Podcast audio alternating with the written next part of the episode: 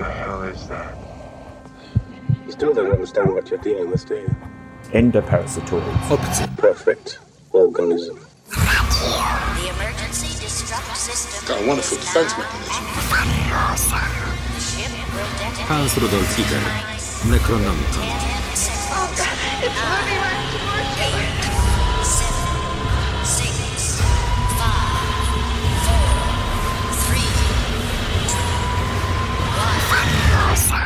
Dzień dobry Państwu, tutaj kolejny odcinek Radio Waroza.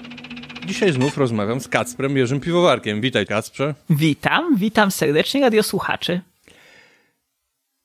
Omawialiśmy przeszłość i to odległą. Omawialiśmy teraźniejszość, a nawet próbowaliśmy e, robić pewne przewidywania co do przyszłości w odcinku Apokalipsa Owadów, na który oczywiście teraz serdecznie zapraszamy, tak jak i na inne. Natomiast teraz spróbujemy mm, porozmawiać o fantastyce, o y, świecie science fiction związanym z owadami, czyli, uwaga, o już zapowiadanym w internecie cyklu życiowym ksenomorfa, Kacprze. Tak, Xenomorph, którego oczywiście słynna historia zaczęła się od filmu po angielsku po prostu Alien, a po polsku Obcy, ósmy pasażer Nostromo. Tak jest. Jak y, mógłbyś powiedzieć, y, no jaka była historia powstania tego filmu? Kto jest autorem de facto ksenomorfa? Generalnie, jeżeli chodzi o ksenomorfa i całą historię, to trzeba zauważyć, że początkowy pomysł był typowym filmem z kina tak zwanej klasy B. Wielu nawet krytyków filmowych i osób, które analizują ten film, no bo pamiętajmy, że o filmie Alien powstały elaboraty, został rozłożony na części, przeanalizowany, syntetyzowany. Ten film jest uznawany za dzieło sztuki, film wybitny, film, który jest uważany obecnie za klasykę. Jednak pamiętajmy, że pierwotnie wcale tak nie było. Był to po prostu przecięt, uważane było to na samym początku, że będzie to zwykły przeciętniak w stylu filmu o zamczysku i o zjawie duchu bądź wampirze, który ściga Bogu ducha winnych ludzi, którzy mieli pecha się tam dostać. I trzeba zauważyć, że pierwotnie na samym początku myślano w ogóle o jakimś właśnie domu na bagnach, czy o jakiejś właśnie przeklętym zamczysku, czy o innym odludziu na ziemi. Bo takie scenariusze były w kinie powszechne, ale wraz z przebojem, jakim były najpierw Star Trek, a potem oczywiście Star Wars w 77, zaczęła się mania na filmy science fiction. Zaczęła się właśnie obsesja świata przyszłości, świata kosmosu, świata technologii, nie można zapominać o Odysei kosmicznej. Filmy, które właśnie zamiast skupiać się na przeszłości czy też teraźniejszości, zauważały, że to właśnie w, przy, y, w świecie przyszłości, w kosmosie może czekać nas coś, właśnie tak zwany Star Trek, ostateczna granica, czekać nas coś, czego na Ziemi na pewno już nie ma, że zjawiska, które wcześniej były uznawane w kinie za paranormalne, mogą być tak naprawdę fantastyką naukową, ponieważ zgodnie ze słynnym powiedzeniem, każda technologia może być wzięta za magię, jeżeli nie rozumie się jej działania. I tak samo stwierdzono, że wiele rzeczy, które były wcześniej elementem horroru, mogą zostać przeniesione do thrillerów science fiction. I tak narodziło się wiele różnych scenariuszy, które z kosmitów robiły potwory, które zagrażały ludziom, przed którymi ludzie uciekali. Zazwyczaj były to średniej jakości filmy, zrobione z bardzo kiepskimi efektami specjalnymi, które gdy oglądamy współcześnie bardziej śmieszą niż straszą. I nie inaczej miało być właśnie po polsku z obcym ósmym pasażerem Nostromo, filmem, który został opublikowany w 1979 roku, o ile się orientuję. Tak? Dokładnie. Ten film w ogóle zaczynał jako dwa odrębne scenariusze, ponieważ był wielokrotnie przepisywany, wielokrotnie modyfikowany, ponieważ spierały się różne idee na ten film. Jedni uważali, że to ludzie powinni trafić do miejsca, w którym ów potwór, który miałby ich zaatakować, miałby ich ścigać i zabijać. Inni uważali na odwrót, że to właśnie potwór powinien dostać się do ich yy, środowiska i to w ich środowisku stanowić dla nich zagrożenie. I było to zarówno powszechne w horrorach, jak i thrillerach, że albo to ludzie dostawali się na teren seryjnego mordercy, albo to seryjny morderca przychodził do nich. W tym jednak y, na, y, pod wpływem różnych rozmów, debat, ostatecznie efekt końcowy miał polegać na fuzji tych dwóch pomysłów i moim zdaniem był to jeden z, na, jedna z najmądrzejszych decyzji, jakich dokonano. Za reżysera wybrano Ridleya Scotta, wtedy y, młodego jeszcze reżysera. Bardzo młodego, praktycznie można powiedzieć, że to był taki jego debiut, bo wtedy dopiero się pojawił. Zresztą od razu on nie miał wcale być reżyserem tego, on miał być tylko specjalistą od efektów specjalnych i ewentualnie jakąś właśnie pomocą reżyserowi. Jednak reżyserzy cały czas się kłócili, zmieniali. Yy, Większość uważała, że to będzie chłam, nie dawała temu projektowi żadnych szans, przechodził z rąk do rąk, aż w końcu on stwierdził, że ma okazję, ma szansę zrobić coś, co rzeczywiście y, da mu możliwość wejścia w Hollywood prawdziwe, a nie tylko byciem, bycia chłopcem na posyłki. Trzeba pamiętać też, że pierwotny tytuł miał nie brzmieć właśnie Alien, tylko pierwotny tytuł miał brzmieć Space Beast, czyli kosmiczna bestia. I ten tytuł niestety niewielu osobom łącznie z samym Scottem się podobał, bo uważano, że bije od niego tandetą. I zamiast Space Beast uważano, że znacznie lepszym tytułem będzie enigmatyczne Alien, czyli właśnie obcy. No właśnie, i, ale okazało się, że nie była to taka wizja tego potwora, po prostu tania, e, prosta, którą można w wielu, wielu innych też tanich horrorach, no często nudnych zobaczyć, które no nie stały się e, w kinematografii, w historii kinematografii filmami znaczącymi i ponadczasowymi, doszło do pewnego pomysłu. Dlaczego w ogóle e, w podcaście głównie o owadach e, omawiamy cykl życiowy ksenomorfa? Co zauważono? Trzeba zauważyć, że właśnie pierwotnie były to pomysły, że sam potwór początkowo wcale nie miał być jakimś e, wyjątkowym potworem. Raczej był to ten moment, w którym najbardziej przerażającą rzeczą na zachodzie były macki. Więc miało być to stworzenie, które miało trochę jak z niczym z e, filmów, czy też kojarzonych e, z Lovecraftem i w ogóle z całym e, lore, całym lore uniwersum Lovecrafta, być to stworzenie przypominające ośmiornicę, kałamarnicę, mątwę, generalnie stwora, który w dużym uproszczeniu miał najpierw przyssać się y, za pomocą właśnie macek do twarzy jednego z astronautów i po prostu potem się z jego twarzy odessać i uciec i potem u, do, właśnie urosnąć zgodnie z scenariuszem do rozmiarów i zacząć terroryzować. Jednak sam efekt był dosyć komiczny i wyglądał jak skrzyżowanie modliszki z kałamarnicą. Były właśnie kilka takich projektów, ale wszystkie te grafiki wyglądały tandetnie i cały czas y, nie uważano, żeby ten film zrobił jakąś szczególną karierę. I nagle pojawiło, pojawił się, można powiedzieć, przełom, ponieważ trafił Ridley Scott i inne osoby zaangażowane na twórczość oczywiście słynnego Geigera, szwajcarskiego artysty nowoczesnego, którego styl zarówno fascynuje, jak i obrzydza, czy wręcz przeraża. Zależy oczywiście od subiektywnych gustów. A dodajmy dla porządku, że ów artysta żył w latach 1940-2014. Tak. I umarł niedawno. Całkiem Bo niedawno. jakby ktoś słuchał to kiedyś, dawno temu, daw w przyszłości, czyli nie dawno temu, tylko mm, w odległej przyszłości dla nas, no to mm, rozmawiamy w 2021 roku, czyli 6 lat, y, 7 lat po jego śmierci. Dokładnie.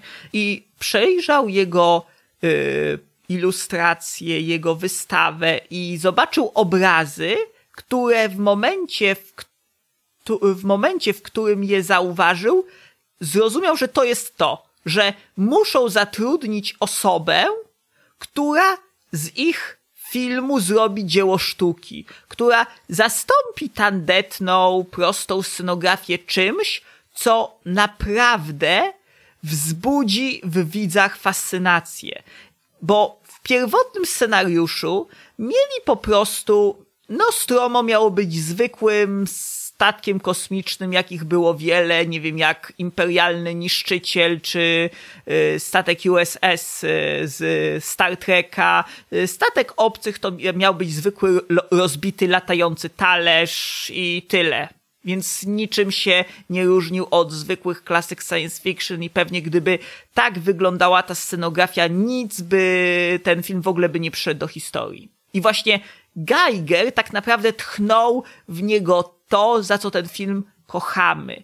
Zarówno sam statek e, Nostromo nie wygląda tak naprawdę jak statek. Pod wieloma względami większość rzeczy, która w nim jest, wygląda wręcz absurdalnie. Wielkie wieże przypominające bardziej gotyckie zamczysko, jakieś dziwne rury, z których leją się ścieki, jakaś wszędzie woda, jakiś taki brud, obleśność. Bardziej wygląda jak skrzyżowanie kopalni z właśnie z jakąś e, gotycką katedrą zamieszkaną przez Drakulę niż e, ze statkiem futurystycznym. No tak, właśnie jak obrazy Geigera, tak? Dokładnie. Bo teraz też powiedzmy, e, jaki był ten główny obraz, prawda, który zainspirował chyba Ridleya Scotta, bo to on się wr- zwrócił do, do Geigera, z tego co kojarzę. Tak, też on jako właśnie specjalista od efektów specjalnych.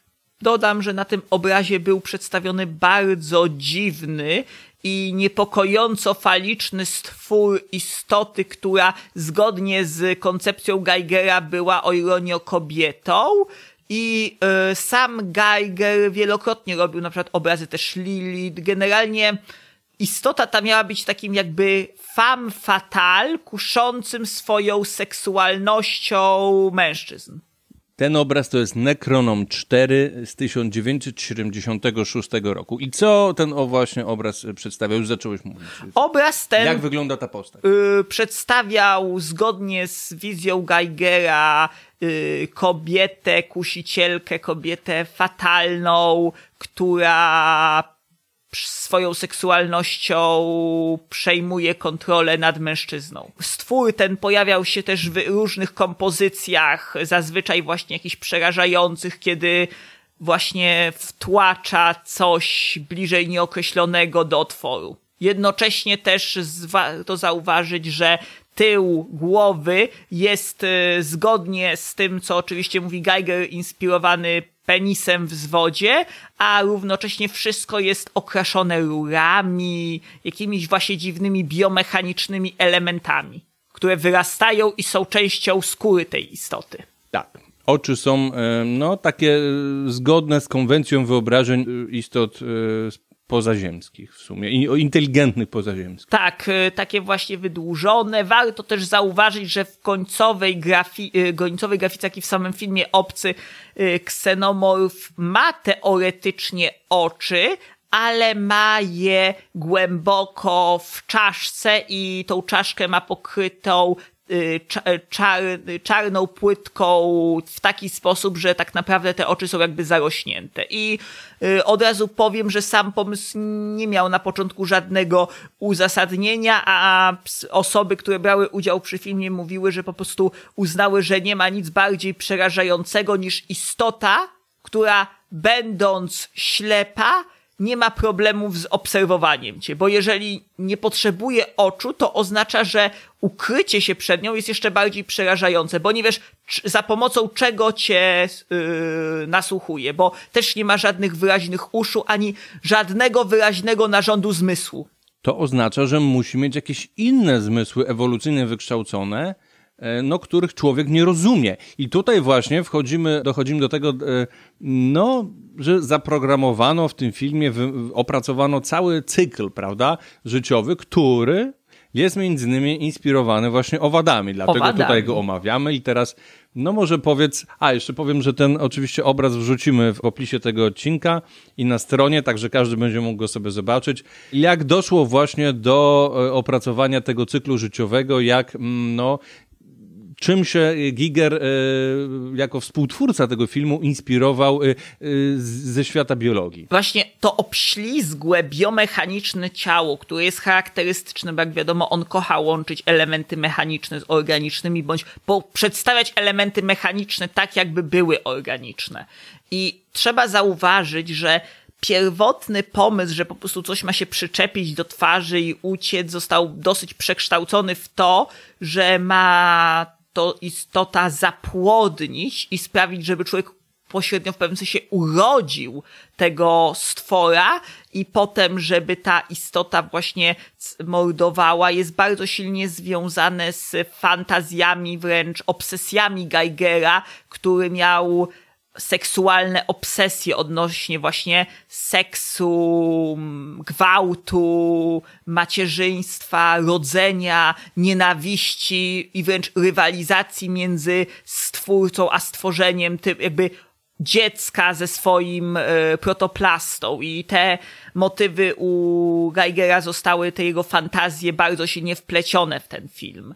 Zresztą zauważmy też, że ten kosmita pierwotnie to miał być jakiś tam zwykły wrak kosmiczny, na którym znaleziono go. Została wykonana cała ta już teraz kultowa sala, na której siedzi ta, y, Space Jockey zwany czasem inżynierem, czyli dziwna istota, która jest no, znacznie większa od człowieka, jest jakimś gigantem z rozerwaną klatką piersiową. Pamiętajmy, że my już to uniwersum zostało rozbudowane niczym Gwiezdne Wojny Marvel czy DC, więc my ten, e, dla nas to jest oczywiste. Natomiast osoby, które przyszły na ten film i traktowały go jako po prostu jednorazowy horror, kiedy, czy właśnie thriller science fiction, zobaczyły coś, co w tamtych czasach było wręcz dziwne, było jakieś niesamowite, bo statek nie wyglądał jak konwencjonalne urządzenie.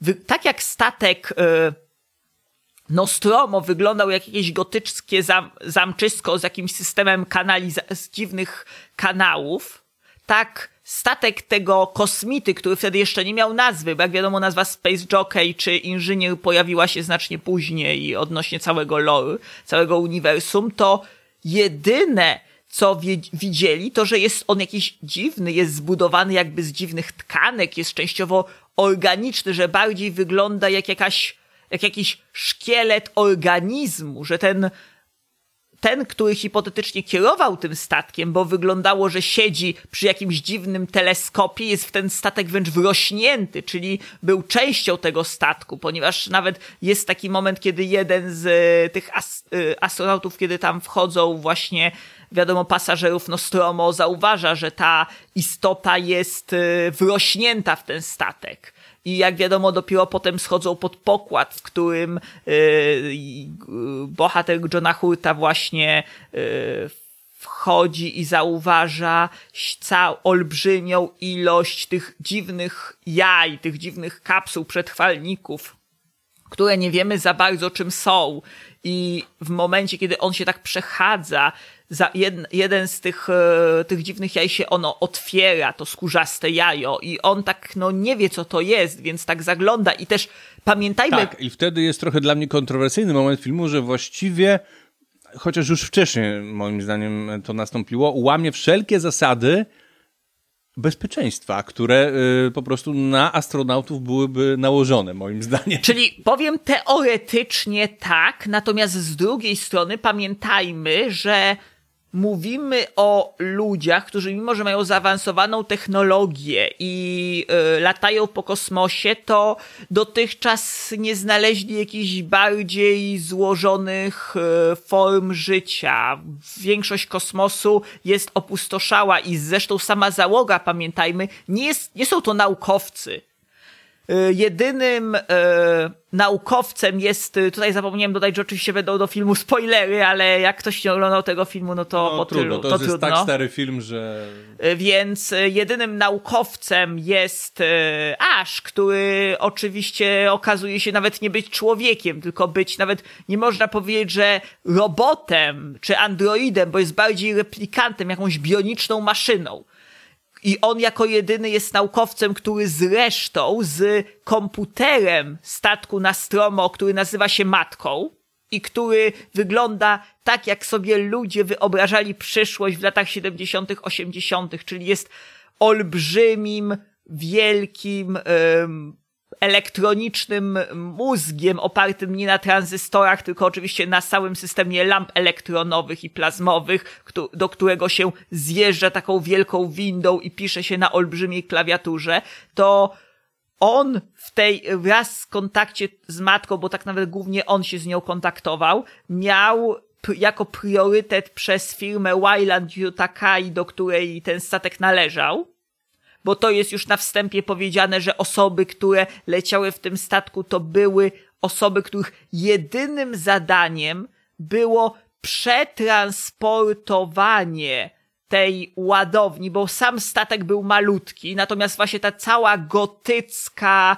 architektura, ten przerażający system, który właśnie wygląda jak jakieś podziemia, to jest wielki szyb, taka byśmy powiedzieli platforma wiertnicza, którą pobrali z planety, na której pobiera się zasoby, bo jest powiedziane, że ludzkość praktycznie na Ziemi już ogołociła całą Ziemię i musi z kosmosu brać zasoby. I ich jedynym zadaniem było przetransportować oficjalnie tą platformę wiertniczą na Ziemię. To wszystko. Byli to ludzie stosunkowo prości. Zresztą pamiętajmy, że oni mieli być, yy, byli zahibernowani. Ich zadaniem było zrobić coś tylko w momencie, jeżeli na, e, pojawi się coś niebezpiecznego. I pamiętajmy, że wybudziło ich to, że przyszedł sygnał z kosmosu, który uznali za sygnał SOS, a później doszli do wniosku, że ten statek tego obcego, tego kosmity, w sensie tego giganta, który ten właśnie wielki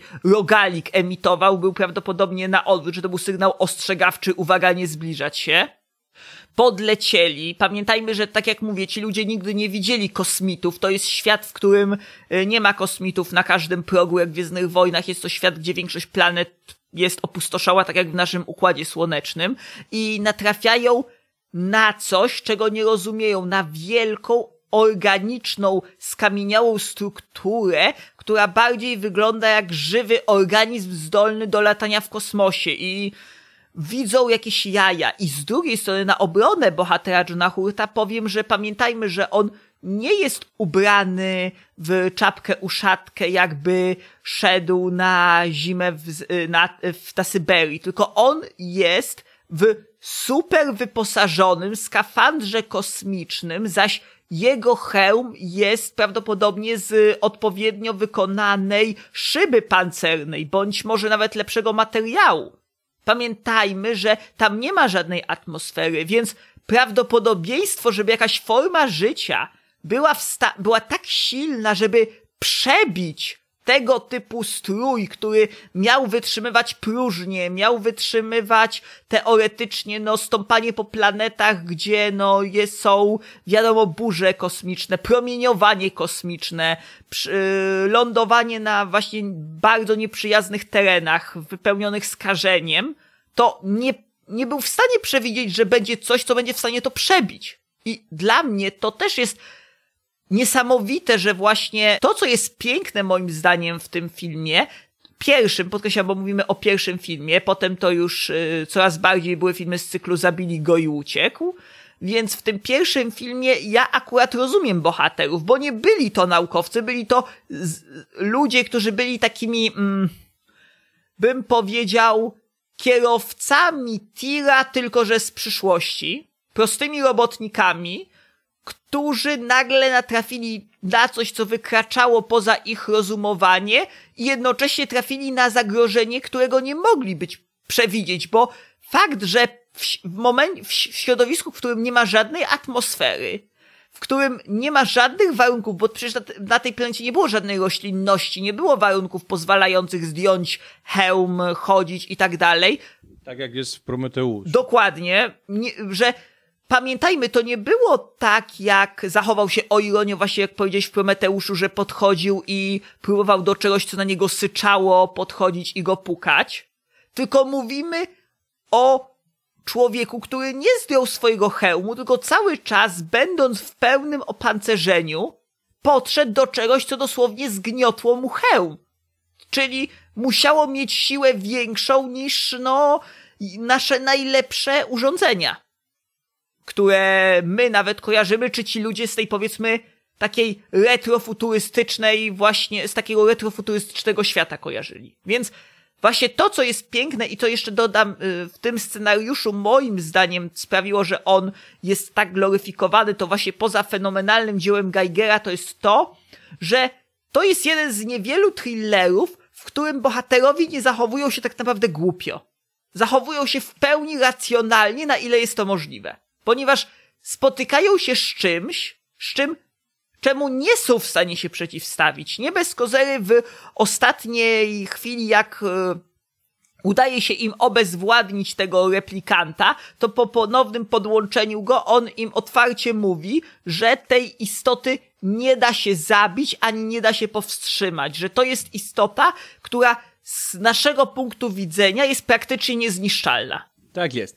No ale idąc po kolei, okazało się, że po tym jak zajrzał do tego jaja, no to zaatakował go pasożyt. Tak, który O- wskoczył Który zaczął mu- się, no później to w Przystał filmie się do widać, niego. tak, przystał się, no i złożył jajo, Jajo. które zaczyna się rozwijać w organizmie gospodarza. Więc jak doszło do tego e, po e, zatrudnieniu Geigera, że no, z tego pierwotnego pomysłu urodził się pasożyt, który jest inspirowany między innymi cyklem życiowym różnych owadów, Jakich, to powiedz, oraz, tak e, jak powiedziałeś, między innymi morfologią e, rekina. morfologią rekina. Dlaczego? Ponieważ Geiger uznał szczególnie yy, tak zwanych rekinów głębinowych, że istoty te są tak właśnie wężowate, są takie tajemnicze, są takie niebezpieczne. Nawet to, że yy, ksenomorf właśnie, który wtedy jeszcze nie miał tej nazwy, bo ona przyszła dopiero w drugim filmie i to też wyjaśnimy, bo to jest o ironio też związane z tym kontynuacją biologicznego wyjaśnienia tej istoty. Sam ksenomorf i jego wysuwana szczęka jest inspirowana szczęką yy, wysuwaną rekinów, które są w stanie na niewielką odległość, ale jednak w momencie, gdy podpływają do ryby, częściowo y, zluźnić swoją szczękę i niejako wystrzelić ją do przodu, żeby złapać ofiarę, a następnie ją z powrotem wciągnąć, bo pamiętajmy, że rekiny są chrzęsno-szkieletowe, przez co ich połączenia nie są tak ścisłe jak u zwierząt kostnych. I teraz jeszcze dodam jedną rzecz, o której też muszę pamiętać, bo rzeczywiście do, pokazuje ona po raz kolejny, że ten film jeszcze jest dobrze przemyślany, ponieważ w momencie, kiedy oni informują o tym, że y, ten bohater, jak go znajdują, tam ma coś przyczepione do twarzy, to nie chcą go wpuścić. Chcą go tam zostawić, bo uważają, że nie powinni brać czegoś, czego nie rozumieją, że doszli do wniosku, że jeżeli pęk mówi jeszcze, bo zauważyli, że przecież pękł e, hełm i że to przebiło hełm, no to doszli do wniosku, że praktycznie jest martwy. Pe- mogli nawet uznać, że to nie jest żywe, tylko że to była jakaś broń, która po prostu jakaś pułapka, że mu się rzuciła na twarz i go zabiła. I gdyby nie android aż by go nie wpuścili, bo to Android aż właśnie go pozwolił, jakby prze- przekonał i otworzył Znaczy nie, zrobił to nawet nielegalnie, nie słuchając rozkazu. Dokładnie, ponieważ pamiętajmy, że po, po raz kolejny powtarzam, on miał ściśle określone zadanie i było nim znalezienie formy życia. Zresztą pamiętajmy, że to on obudził załogę i tak dalej z tego, z tej hibernacji, ponieważ to on odebrał sygnał, który nie był ziemskiego pochodzenia, czyli miał pewność, że nie został wysłany przez jakąś inną załogę, dlatego, że jego priorytetem było znalezienie życia. O czym nie wiedzieli ludzcy, czysto ludzcy, jego współtowarzysze, ale to też nie, mo nie może tak powiedzieć, że wszyscy ludzie jakby byli zgodni, żeby go nie wpuszczać, no bo tam była mm, scysja na ten temat. Tak, prawda? ale Więc- definitywnie to on zaważył o tym, że, bo były głosy, ale sam kapitan nie chciał go wpuścić. I ci, którzy zostali yy, tylko, nie replay, tylko ta druga kobieta chciała go z powrotem wpuścić, natomiast cała reszta była definitywnie przeciwna i gdyby nie to, że to on otworzył drzwi, to oni by go tam zostawili. Zgadza się. I, w mom- I teraz już wracając do filmu, zauważyli pewną bardzo dziwną rzecz. Jak zdjęli mu ten hełm, to ze zdziwieniem, bo to też jest ważne, zauważyli, że on żyje, bo byli przekonani, że nie żyje. I że więcej, że to coś, co ma na sobie, bo wtedy jeszcze nie wiedzieli, co to jest, że to pozwalało mu oddychać nawet w próżni, czyli w momencie, kiedy jeszcze był na tej planecie, gdzie tlenu, no może nie próżnia, przepraszam, bo była atmosfera, ale na pewno nie tlenowa, był w stanie dostarczyć mu tlenu i wtedy dopiero, bo pamiętajmy, żaden z nich naukowcem nie był, więc jedyną osobą, która mogła się nim zająć był Ash. I oczywiście Ash im nie powiedział całej prawdy, nie powiedział im, co się z tą osobą dzieje, bo powiedział, że to po prostu jest na jego twarzy niczym maska tlenowa i go y, zasila. I był taki pomysł, żeby mu to zdjąć. I wtedy oczywiście postanowili, na początku ręcznie, ale zauważyli, że im bardziej próbują to zdjąć, tym bardziej to zaciska się na szyi. I wtedy wpadli na pomysł, aby to po prostu odciąć. Tylko w momencie, kiedy najpierw spróbowali skalperem i laserem, to co się stało? Wyciekła z, wiadomo, zaczął krwawić. Tylko tak się niemiło złożyło, że zaczął krwawić bardzo żrącą substancją, która prawdopodobnie miała takie, patrząc na to, że ona kilka pięter w dół tego statku zleciała, to prawdopodobnie to nawet nie był kwas solny, tylko to było coś jakby połączenie piranii z wodą królewską.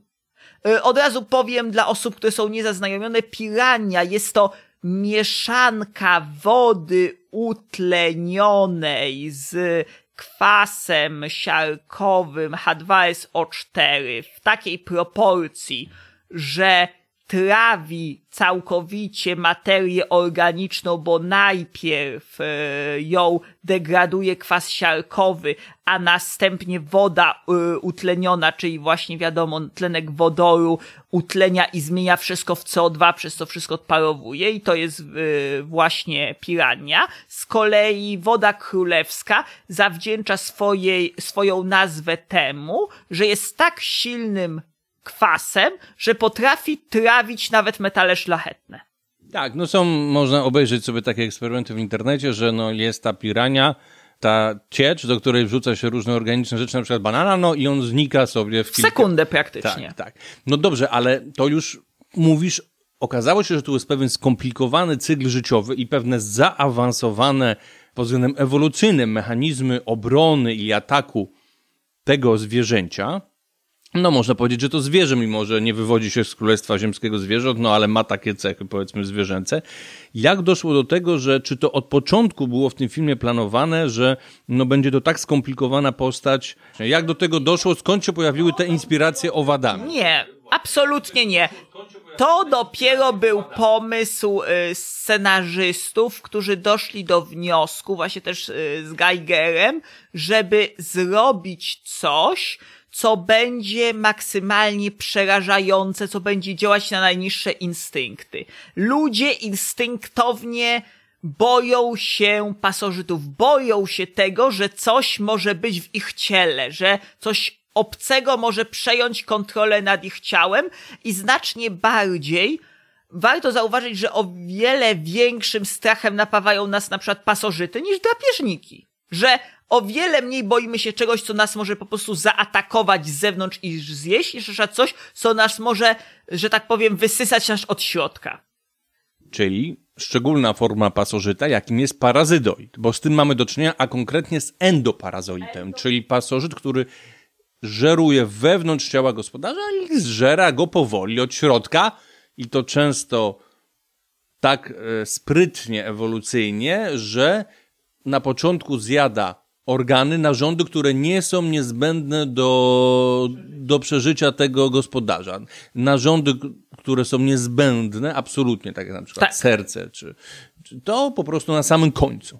Mm, Można powiedzieć, że w jakiś sposób, co odróżnia go właśnie od pasożyta i jest gdzieś tak pomiędzy, e, od drapieżnika, gdzieś tak pomiędzy drapieżnikiem a zwykłym pasożytem, w jakiś sposób przez jakiś czas dba o tego gospodarza w sposób, no, bardzo taki Egoistyczny. No tak, chciałem użyć takiego słowa sarkastyczny, prawda? E, No, no właśnie, czyli okazało się, że tutaj po prostu świetnie pasowały pewne grupy owadów. Tak? Dokładnie. I do, dodam też jeszcze tylko koniecznie taką e, ciekawostkę, że sam pomysł e, z tym, że on e, ma w sobie kwas, bo to też chciałem właśnie dlaczego powiedzieć, też został wymyślony później, wbrew pozorom, wcale nie na początku, tylko po prostu ktoś zauważył, tu już przyznaję, nie pamiętam dokładnie kto, że dlaczego oni po prostu go nie przecięli na początku, albo po prostu go nie zastrzelili, czyli dlaczego po prostu go, no, nie uszkodzili. I wtedy wpadli na taki pomysł, że są organizmy, które potrafią, na przykład mrówki, o ioniokwasem mrówkowym, są w stanie za pomocą żrących substancji bronić się przed atakiem. I wtedy pomyśleli, a co jeżeli taka istota miałaby takie ciało, że dosłownie nie dałoby się jej zranić, dlatego bo atakowanie jej byłoby równoznaczne z ranieniem samego siebie. I wtedy właśnie inspirując się atakami y, właśnie bronią chemiczną stosowaną przez zwierzęta, wpadli na pomysł, że to by mogło odstraszyć bohaterów od chęci po prostu wzięcia siekiery czy pistoletu, bo jak masz istotę, która po gdy zacznie krwawić, zacznie wyprodukowywać kwas, który nawet pal 6, że nawet może do ciebie nie dojść, ale jeżeli on jest tak żrący, że trawi metal z olbrzymią łatwością, a jesteś na statku, to ten statek bardzo łatwo może uszkodzić. Jeżeli na przykład on ucieknie krwawiąc i nawet, nawet go postrzelą tak, że cały zacznie krwawić, to jeżeli zacznie chodzić po statku, to ten statek będzie uszkadzał. I siłą To zresztą rzeczy... w trzecim odcinku jest ukazane właśnie. No. Ksenomorf uszkadza statek przecież. E, Dokładnie. e, Ze, ze śpiącymi Ludźmi. ludźmi. Więc właśnie s- świadomość tego y, też miała sprawić taką grozę zaszczucia, że tak naprawdę właśnie stąd też ten tytuł sam, który wiadomo jest zawsze przy napis, y, napisany przy tytule w kosmosie nikt nie usłyszy twojego krzyku, że teoretycznie jak jest jakieś miejsce na ziemi, nawet największe od ludzie, to zawsze jest ta świadomość, że gdzieś możesz uciec, że możesz tą istotę odpędzić od siebie i gdy opuścisz tą dzielnicę, y, opuścisz to zamczysko, tą kopalnię, to czeka cię normalny świat, w którym możesz się skryć. A tutaj masz świadomość, że jesteś skazany na tą istotę, bo jesteś w statku, który jeżeli się uszkodzi, to zabije też ciebie. I teraz właśnie dochodzimy do tego, że y, dodam jeszcze, że ten główny, e, czyli ten android rozmawiając z główną bohaterką Ripley, powiedział jej, że ta istota, y, która jest podczepiona do tego bohatera, jest bardzo dziwna, ponieważ on jej mówi, że ona ma zdolność do anabiozy, trochę tak jak niesporczaki, bo tu też powiem ciekawostkę, tak jak niesporczaki, do zastępowania tkanek biologicznym silikonem. Silikonem i formami przypominającymi nasz plastik i jest w stanie pod wpływem e, natrafienia na organizm biologiczny dokonać samostrawienia tych części plastikowo-silikonowych i zastąpienia ich z powrotem zwykłymi, konwencjonalnymi organicznymi. I jest taki moment, kiedy on się wiadomo budzi i ta część, któ- która była przyczepiona, odpada. I oni biorą tą część, oglądają, nawet sobie żartują, że raczej ten pajączek nie zmieni się już w zombie. Czyli dochodzą do wniosku, że no, zagrożenie usunięte, że to było przyczepione i sobie wzięło i umarło. No, wszyscy poza Aszem, no bo on wie, co się stało. I Tak, bo w momencie, kiedy znasz dobrze cykle życiowe, no takich pasożytów właśnie, no to wiesz, że one bez powodu się przecież nie przyczepiają do gospodarza. Dokładnie, więc y, ten typ jakby to, co on zrobił, jest powszechne u niektórych organizmów i to akurat, bo to jest to jest ciekawostka, że to akurat było zainspirowane wirusem, a mianowicie bakteriofagiem, który w, umieszcza swoje y, DNA w bakterii, natomiast sam kapsyd pozostaje na zewnątrz i ten y, twarzołap miał być właśnie takim kapsydem.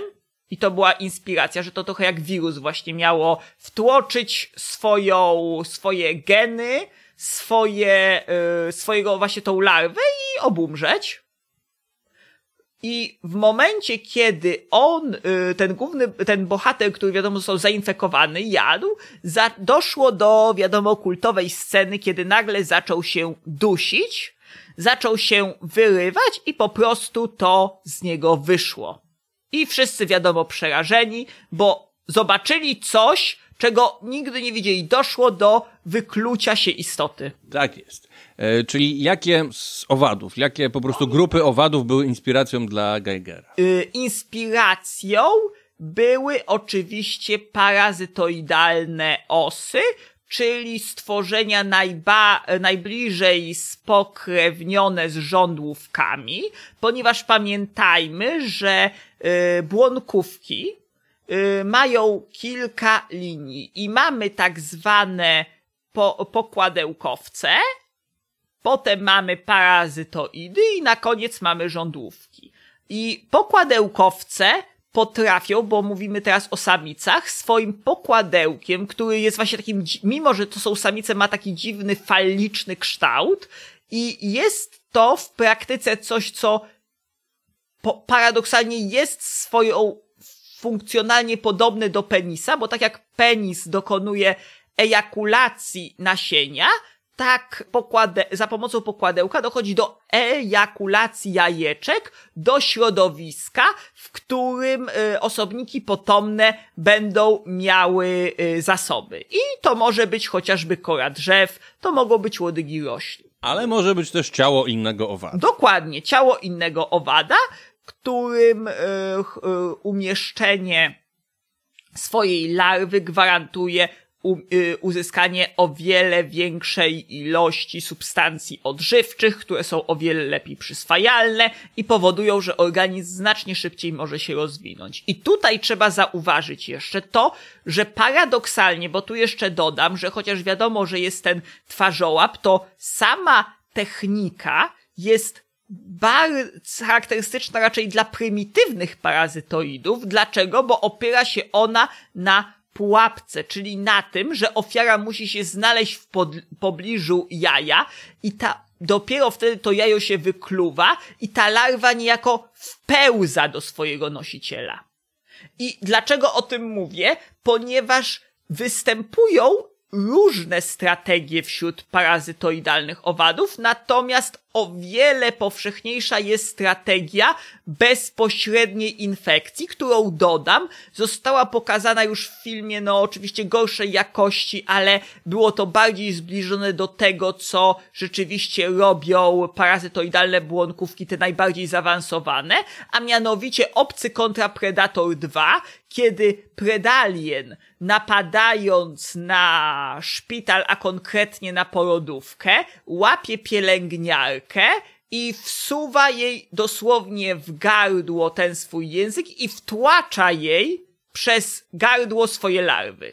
I to jest o wiele bliższe temu, co rzeczywiście robią parazytoidy znacznie częściej, czyli po prostu aktywne wprowadzenie swoich yy, jaj, czy też larw, bo to w różnych fazach jest wprowadzane, do organizmu nosiciela. Ponieważ tą formę polegającą na tym, że trzeba zostawić pułapkę jest bardzo ryzykowna, bo zawsze trzeba się, powiedzmy, ewolucyjnie oczywiście liczyć z tym, że taki organizm ją ominie, albo że się obroni. No dlatego dobrą strategią jest stawianie jej dużo w różnych miejscach.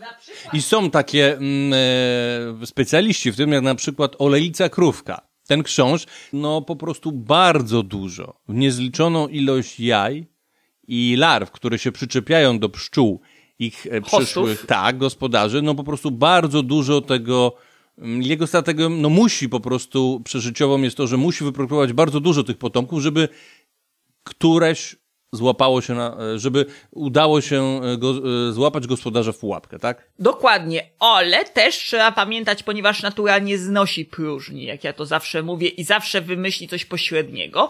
I fenomenalnym przykładem istoty, która jest wręcz moim zdaniem fascynująca, jest osa szmaragdowa. Bo dodam ciekawostkę, osa szmaragdowa jest tak naprawdę żądłówką, czyli technicznie znacznie bliżej jej do mrówek, ostrzy pszczół właśnie, niż do para, e, typowych parazytoidów. I jej strategia jest w ogóle oszałamiająca. Dlaczego? Bo ona również składa jaja pułapki, ale co ona robi? Najpierw znajduje ofiarę, następnie atakuje ją i wprowadza do jej organizmu substancję, która powoduje, że organizm traci kontrolę nad swoim ciałem i jest posłuszny tej osie właśnie szmaragdowej. Szczególnie upodobała sobie kraczany, dlatego niektórzy jako ekologiczną, tak oczywiście metaforycznie, bo wiadomo, że to nie jest wspólnego z nauką ekologia, tylko ekologia w rozumieniu popularnym, czyli ochroną środowiska, żeby nie stosować na przykład pestycydów, żeby zwalczać ka e, karaczany, to właśnie stosują e, osy szmaragdowe. Bo one są, od, przez to, że podkreślam, one są bardzo blisko spokrewnione z y, owadami społecznymi, z, właśnie z eusocjalami, też zdarza im się polować w grupach. I na czym polega ich strategia? Za pomocą substancji, którą wprowadzają, która jest swojego rodzaju narkotykiem, sprawiają, że ofiara nie walczy. Następnie dosłownie prowadzą ją na smyczy bezpośrednio albo metaforycznie na smyczy pośrednio, bo po prostu uwrażliwiają na jakiś swój feromon chemiczny hosta, który po prostu podąża ich śladem znajdują niej, budują gniazdo, bądź już wcześniej zbudowały jaskinię, do której ten host wchodzi. Tam składają jajka, które natychmiast wykluwając się wchodzą do ciała swojego żywiciela, który nie podejmuje żadnej walki, żadnej aktywności, po prostu żyje i czeka na swój ostateczny koniec, kiedy no wykluje się z niego Y, żywiciel. Dodam też, że pod tym względem ksenomorf jest ze wszystkich stworzeń jest najbardziej podobny właśnie do osy szmaragdowej poza tą supermocą. Właśnie nad sprawowaniem kontroli nad swoimi żywicielami. Dlaczego? Ponieważ w przypadku większości parazytoidów wykluwa się ich dużo. Z jednego osobnika wychodzi cała masa osobników. Natomiast, jak łatwo zauważyć, ksenomorf wykluł się z ciała e, bohatera Hurta, no tylko jeden. Tylko jeden osobnik wyskoczył i natychmiast uciekł, co o wiele bardziej e, przypomina e, zachowanie owadów właśnie os szmaragdowych, które technicznie rzecz biorąc nie są parazytoidami, ponieważ są y, rządówkami, są znacznie bardziej z nimi związane. Chociaż kontrola swojego gospodarza jest z kolei dość popularna u innych para- pasożytów, w tym parazytoidów. Jest taki pasożyt, który też jest właśnie z tego, co się orientuje, inspiracją dla stworzenia tego cyklu życiowego ksenomorfa, który pasożytuje na e, owadzie prostoskrzydłym, bliskim krewniakowi konika polnego, który tak zmienia chemię jego mózgu, że zmusza go do popełnienia samobójstwa w ostatecznym akcie przed śmiercią, do skoczenia do wody, dlatego, że ten pasożyt może się wydobyć i przeżyć z ciała gospodarza po uzyskaniu wzrostu, odżywiając się z nim wcześniej, wcześniej tylko w środowisku wodnym. Dokładnie. Dodam też, że to stworzenie, które mówisz, jest nicieniem. Tak, tak. To jest nicień, który jest Podamy w, stanie... w opisie jego nazwę łacińską, bo nie ma polskiej nazwy, także nie Niestety. pamiętam. I właśnie wracając właśnie do ksenomorfa, to trzeba właśnie zauważyć jeszcze jedną rzecz, która odróżnia go od owada, e, właśnie od parazytoidów, które my znamy, ponieważ proszę zauważyć, że on wykluwa się jako larwa i przez pewien czas jest niewidoczny. I tylko jest aluzja taka w filmie pokazana, że jeden z bohaterów szukając go znajduje yy, kota, yy, kota, który należy do Ripley, który obwąchuje coś dziwnego. On to podnosi i zauważa, że to wygląda jak skóra węża. Czyli łatwo się oczywiście domyślić, to jest aluzja dla widzów, że to stworzenie yy, miało wylinki i rosło. I dlaczego to jest tak e, charakterystyczne? Bo to oznacza, że w przeciwieństwie do e, większości parazytoidów, które wykluwają się jako imago, ten osobnik wykluł się w bardzo wczesnym stadium larwalnym.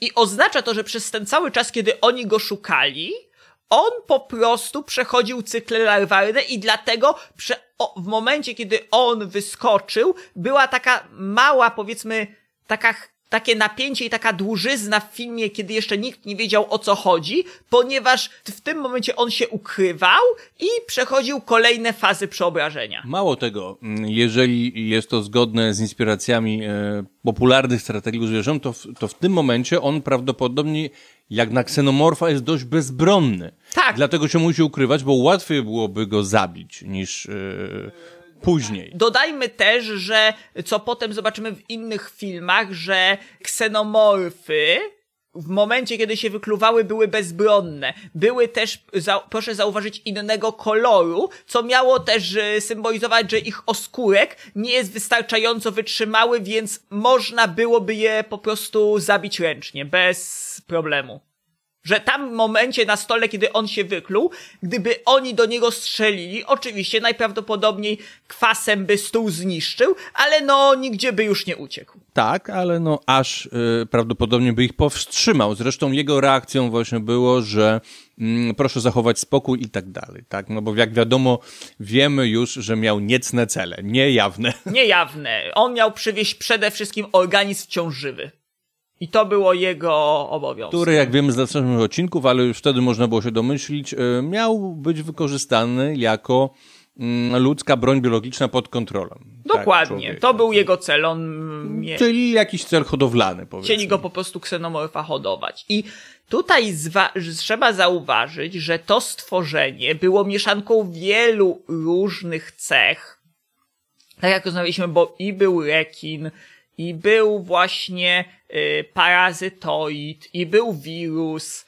Było to mieszanka wszelkich elementów, które miały wzbudzać lęki. I Ale, co ciekawe, było to na tyle wizjonerskie, że trochę tak jak w sumie z planetami, że okazało się, e, że już po zrobieniu tego filmu odkryto tak wiele nowych parazytoidów, że nowe odkrywane gatunki okazują się, że mają tak pewne elementy cyklu życiowego podobne do ksenomorfa, że w pewien sposób Geiger był wizjonerem i okazuje się, że pewne cechy są też popularne w przyrodzie, e, takiej prawdziwej, realistycznej na Ziemi, gdzie pewne organizmy no, mają takie cechy, jakie miał ksenomorf, jakie no, wcześniej mogliśmy e, nie znać i e, nawet naukowcy potrafią nazywać tak pewne organizmy, inspirując właśnie ksenos. Oczywiście. Jednym z takich organizmów jest Pronima sedentaria.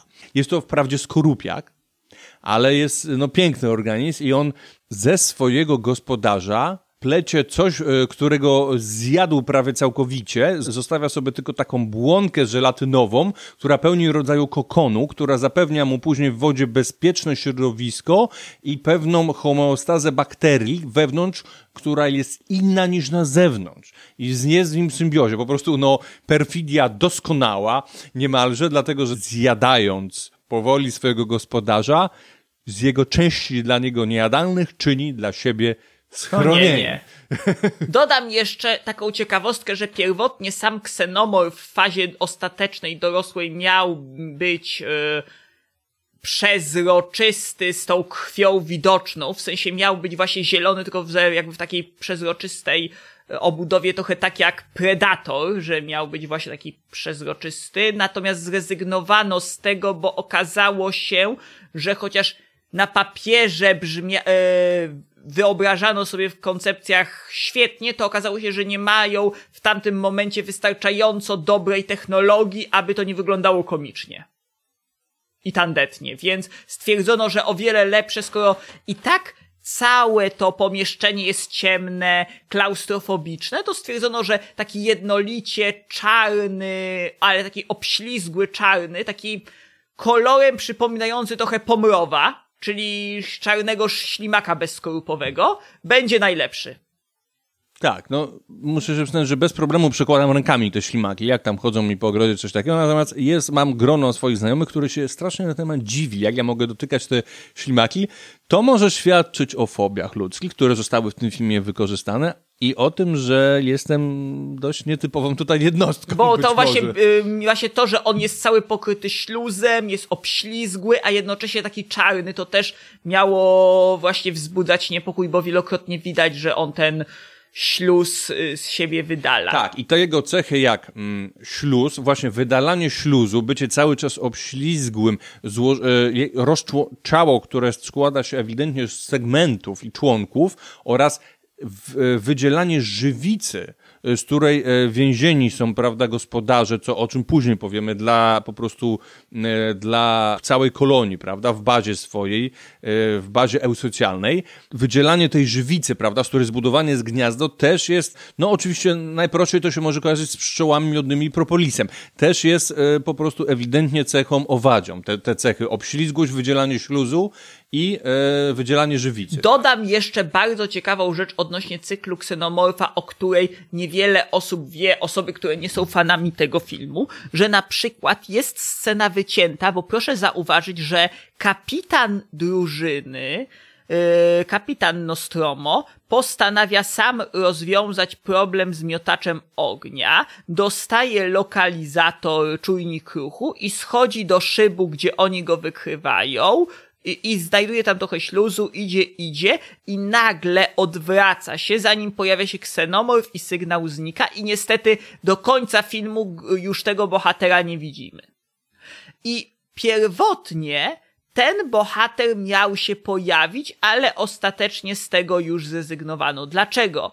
Bo pierwotnie miała być scena, kiedy już Ripley stwierdza, że nie da się wygrać, że trzeba uciec ze statku, trzeba się po prostu ewakuować kapsułą ratunkową, to miała go znaleźć w jednym korytarzu całego pokrytego śluzem i uwaga, zmieniającego się w kokon, ponieważ w założeniu to stworzenie miało, zgodnie z tym pierwotnym scenariuszem, rozmnażać się w taki sposób, że gdy dorosło, miało po znalezieniu ofiary zmutować ją w taki sposób, że jej ciało zamieni się w kokon i w twarzołapa. I tam jest taka scena, no można nawet znaleźć na YouTubie tą scenę wyciętą, kiedy on już jest cały taki prawie y, w takiej skorupie i tylko widać jego jedną rękę i część twarzy, która jeszcze nie jest zamknięta w jaju i prosi, żeby go zabiła i wtedy ona płacząc go pali. I też leci kwas, czyli on już też zaczął mieć coraz więcej takich cech ksenomorfowych. Okej, czyli cykl życiowy ksenomorfa w toku y, kolejnych odcinków no, ulegał ewolucji Definitywnie. też, rozwojowi. No dobrze, to, to idźmy dalej. Mamy y, jajo, które mm, wystrzeliwuje twarzołapem, który infekuje ciało no, różnych organizmów też, jak wiadomo, ale między innymi ludzkich, jest w stanie, w którym rozwija się dość szybko agresywny, bardzo para, e, forma e, larwalna parazytoida i no, opuszcza ciało z tragicznym skutkiem dość spektakularnym z gospodarza i e, po prostu no, jest e, dość bezbronny, jak na, pomijając kwas oczywiście, jak na ksenomorfa i ucieka. I tam zaczyna, jesteśmy na tym etapie, tam zaczyna bardzo szybko rosnąć i co się wtedy dzieje? Czy jest, e, czy wiemy na przykład, czym się wtedy żywi? Właśnie niestety to jest y, zagadka, że jeżeli chodzi o to, co ksenomorfy jedzą, to powiedzmy, że w tym momencie, kiedy y, trwa film i kiedy jesteśmy na poziomie Alien pierwszego, jeszcze nie ma całego lore, nie ma komiksów, nie ma, nie mówmy tu w ogóle o połączeniu z Predatorem i w ogóle nie ma tego całego uniwersum. Niestety, tu przyznaję, nikt się nad tym nie zastanowił, po prostu stwierdzono, że coś tam sobie złapał. Natomiast to, czy on się żywi materią organiczną, czy na przykład metalem, nie było to w ogóle wyjaśnione. Po prostu gdzieś sobie znalazł jakąś tam biomasę czy inną masę, żeby rozwinąć. Natomiast nie jest to powiedziane wprost. No chyba, że miał jakąś kosmiczną mm, technologię ewolucyjną, nie bójmy się tego słowa, biologiczną, o której nie wiemy, że no miał jakiś zapas, prawda, takiej energii, której, no tak jak powiedzmy w żółtku jest, że bardzo, czy na przykład w nowej, w świeżo e, zapłodnionej masce mrówek, tak, która jest no jeszcze wiele tygodni w takim, w jednym z, rodzaju strategii, jest w stanie żyć i, i, i wydawać swoje pierwsze nawet jaja bez odżywiania się, tak? Dokładnie. Na przykład umówek Tylko grzybiary. biorąc pod uwagę, jak on dużo urósł, to musiało być coś naprawdę niesamowitego, tak? Po raz kolejny, tak jak mówię, pamiętajmy, że mówimy o istocie, która y, pierwotnie była jednak mimo wszystko zainspirowana jakąś istotą paranormalną, jakimś duchem, demonem, wampirem, generalnie czymś potwornym, niezrozumiałym, pochodzącym z kosmosu, czyli prawdopodobnie z innego świata, oparte trochę na być może jakiejś innej trochę chemii. No pamiętajmy, że to stworzenie potrafiło yy, strawić sobie plastik i silikon i przerobić się na białka od tak, bez żadnych problemów, więc prawdopodobnie potrafiło też rzeczy, o których nie jesteśmy sobie w stanie nawet wyobrazić. No mamy y, to formę, można powiedzieć, imago, która y, no też posiada wylinki, co było w trzeciej Dokładnie. części. Też rzuca wylinki, no i rośnie, tak? Więc prawdopodobnie rośnie. rośnie. etapami, skoro ma, ma wylinki. Rośnie etapami, bo nawet w pierwszym filmie, tak jak powiedziałem, bohater znajduje o, właśnie wylinkę, obserwuje ją i nagle widzi kota, który od niej odskakuje i syczy, nie wie o co chodzi, bo mówi przecież to ja, ten kot syczy i nagle się odwraca i za nim się pojawia ksenomorf. Tak, dorosła postać bardzo duża. W porównaniu Dokładnie. do człowieka i do małego ksenomorfa, który się wygryzł z ciała. Dokładnie. I w tym momencie, gdy jeszcze na koniec e, Ripley ostatecznie udaje się go wyrzucić w kosmos i wraz ze swoim kotem wchodzi do kapsuły hibernacyjnej i film się wiadomo kończy, to wiadomo ludzie byli wręcz no to było takie obrzydzenie, ale połączone z fascynacją, film stał się fenomenem, bo pamiętajmy, że pierwotnie nikt w ogóle nie myślał o kontynuacji. Nie bez kozery, bo to od razu już powiem, że Geiger przy kolejnych filmach już nie brał udziału. Tak samo Ridley Scott, dla nich jakby Alien był jednorazowy. Jakby cała ta historia zakończyła się w tam momen- w momencie, kiedy jej się udało go wyrzucić i napisała, że jest ostatnią, która przeżyła z Nostromo i yy, hibernuje razem ze swoim kotem i tym, czym jest ta istota, czym był ten dziwny statek z tym wielkim tytanem, yy, jakby uważali, że to nie ma żadnego powodu na, że to nie musi być opowiedziane. Tak samo jak Albo dobrze to, dokładnie, dobrze to zachować w tajemnicy. Wtedy te, te, te, horrory są też dość fajne. Ja osobiście lubię takie horrory, które zachowują... I zobaczmy, że Xenomorph w pierwszej części filmu pojawiał się w sumie rzadko. To były też taka... Oczywiście to były pewnie też ograniczenia budżetowe, no ale... Bo to przecież era przed komputerami. Natomiast, no... Mm, budziło to pewną mm, taką poczucie dreszcz emocji. pojawiał się głównie w ciemności, tylko na przykład, żeby ogonem kogoś złapać i wciągnąć, więc y, widzieliśmy głównie ludzi, którzy krzyczeli z przerażenia, natomiast jego samego praktycznie w ogóle. Tak naprawdę ksenomorfa widzimy nie jako jakiś tam przebłysk, że ułamek sekundy i już nie, tak naprawdę widzimy go dopiero w tej kapsule ratunkowej, kiedy wystawia swój łeb, bo uciekł razem z Ripley. I kiedy ona powoli, żeby go nie zestresować, bo on się tak zwinął, wchodzi do skafandra i otwiera śluzę, żeby go wyrzucić. No i okazuje się, że jest to całkiem inteligentne stworzenie, które potrafi zaplanować to, co właśnie co potrafią między innymi naczelne, no i, i, i tak dalej w badaniach, potrafi wczuć się, co może myśleć inna osoba i zrozumieć, że planuje ucieczkę i warto na przykład ją nie zabić, tylko się schować i być, yy, no, cicho. I być dokładnie, więc ta istota była y, o wiele właśnie przez to bardziej y, niepraw- właśnie nieprawdopodobnie inteligentna, nieprawdopodobnie niebezpieczna. Jed- właśnie miała cechy takiego slasherowego, seryjnego mordercy, więc miała w sobie łączyć wszystko, co u ludzi wzbudzi niepokój, a jednocześnie pozostać maksymalnie enigmatyczna, bo nie wiemy ani skąd ona tak naprawdę pochodzi, Nie wiemy, czy powstała naturalnie, czy właśnie nie została przez coś stworzona. Nie wiemy, skąd się wzięła na tamtym statku, skąd te wszystkie jaja wzięły się na tamtym statku. I praktycznie człowiek z pierwszego filmu wychodził taki zaniepokojony, bo o tym świecie kosmosu nic nie wiedział.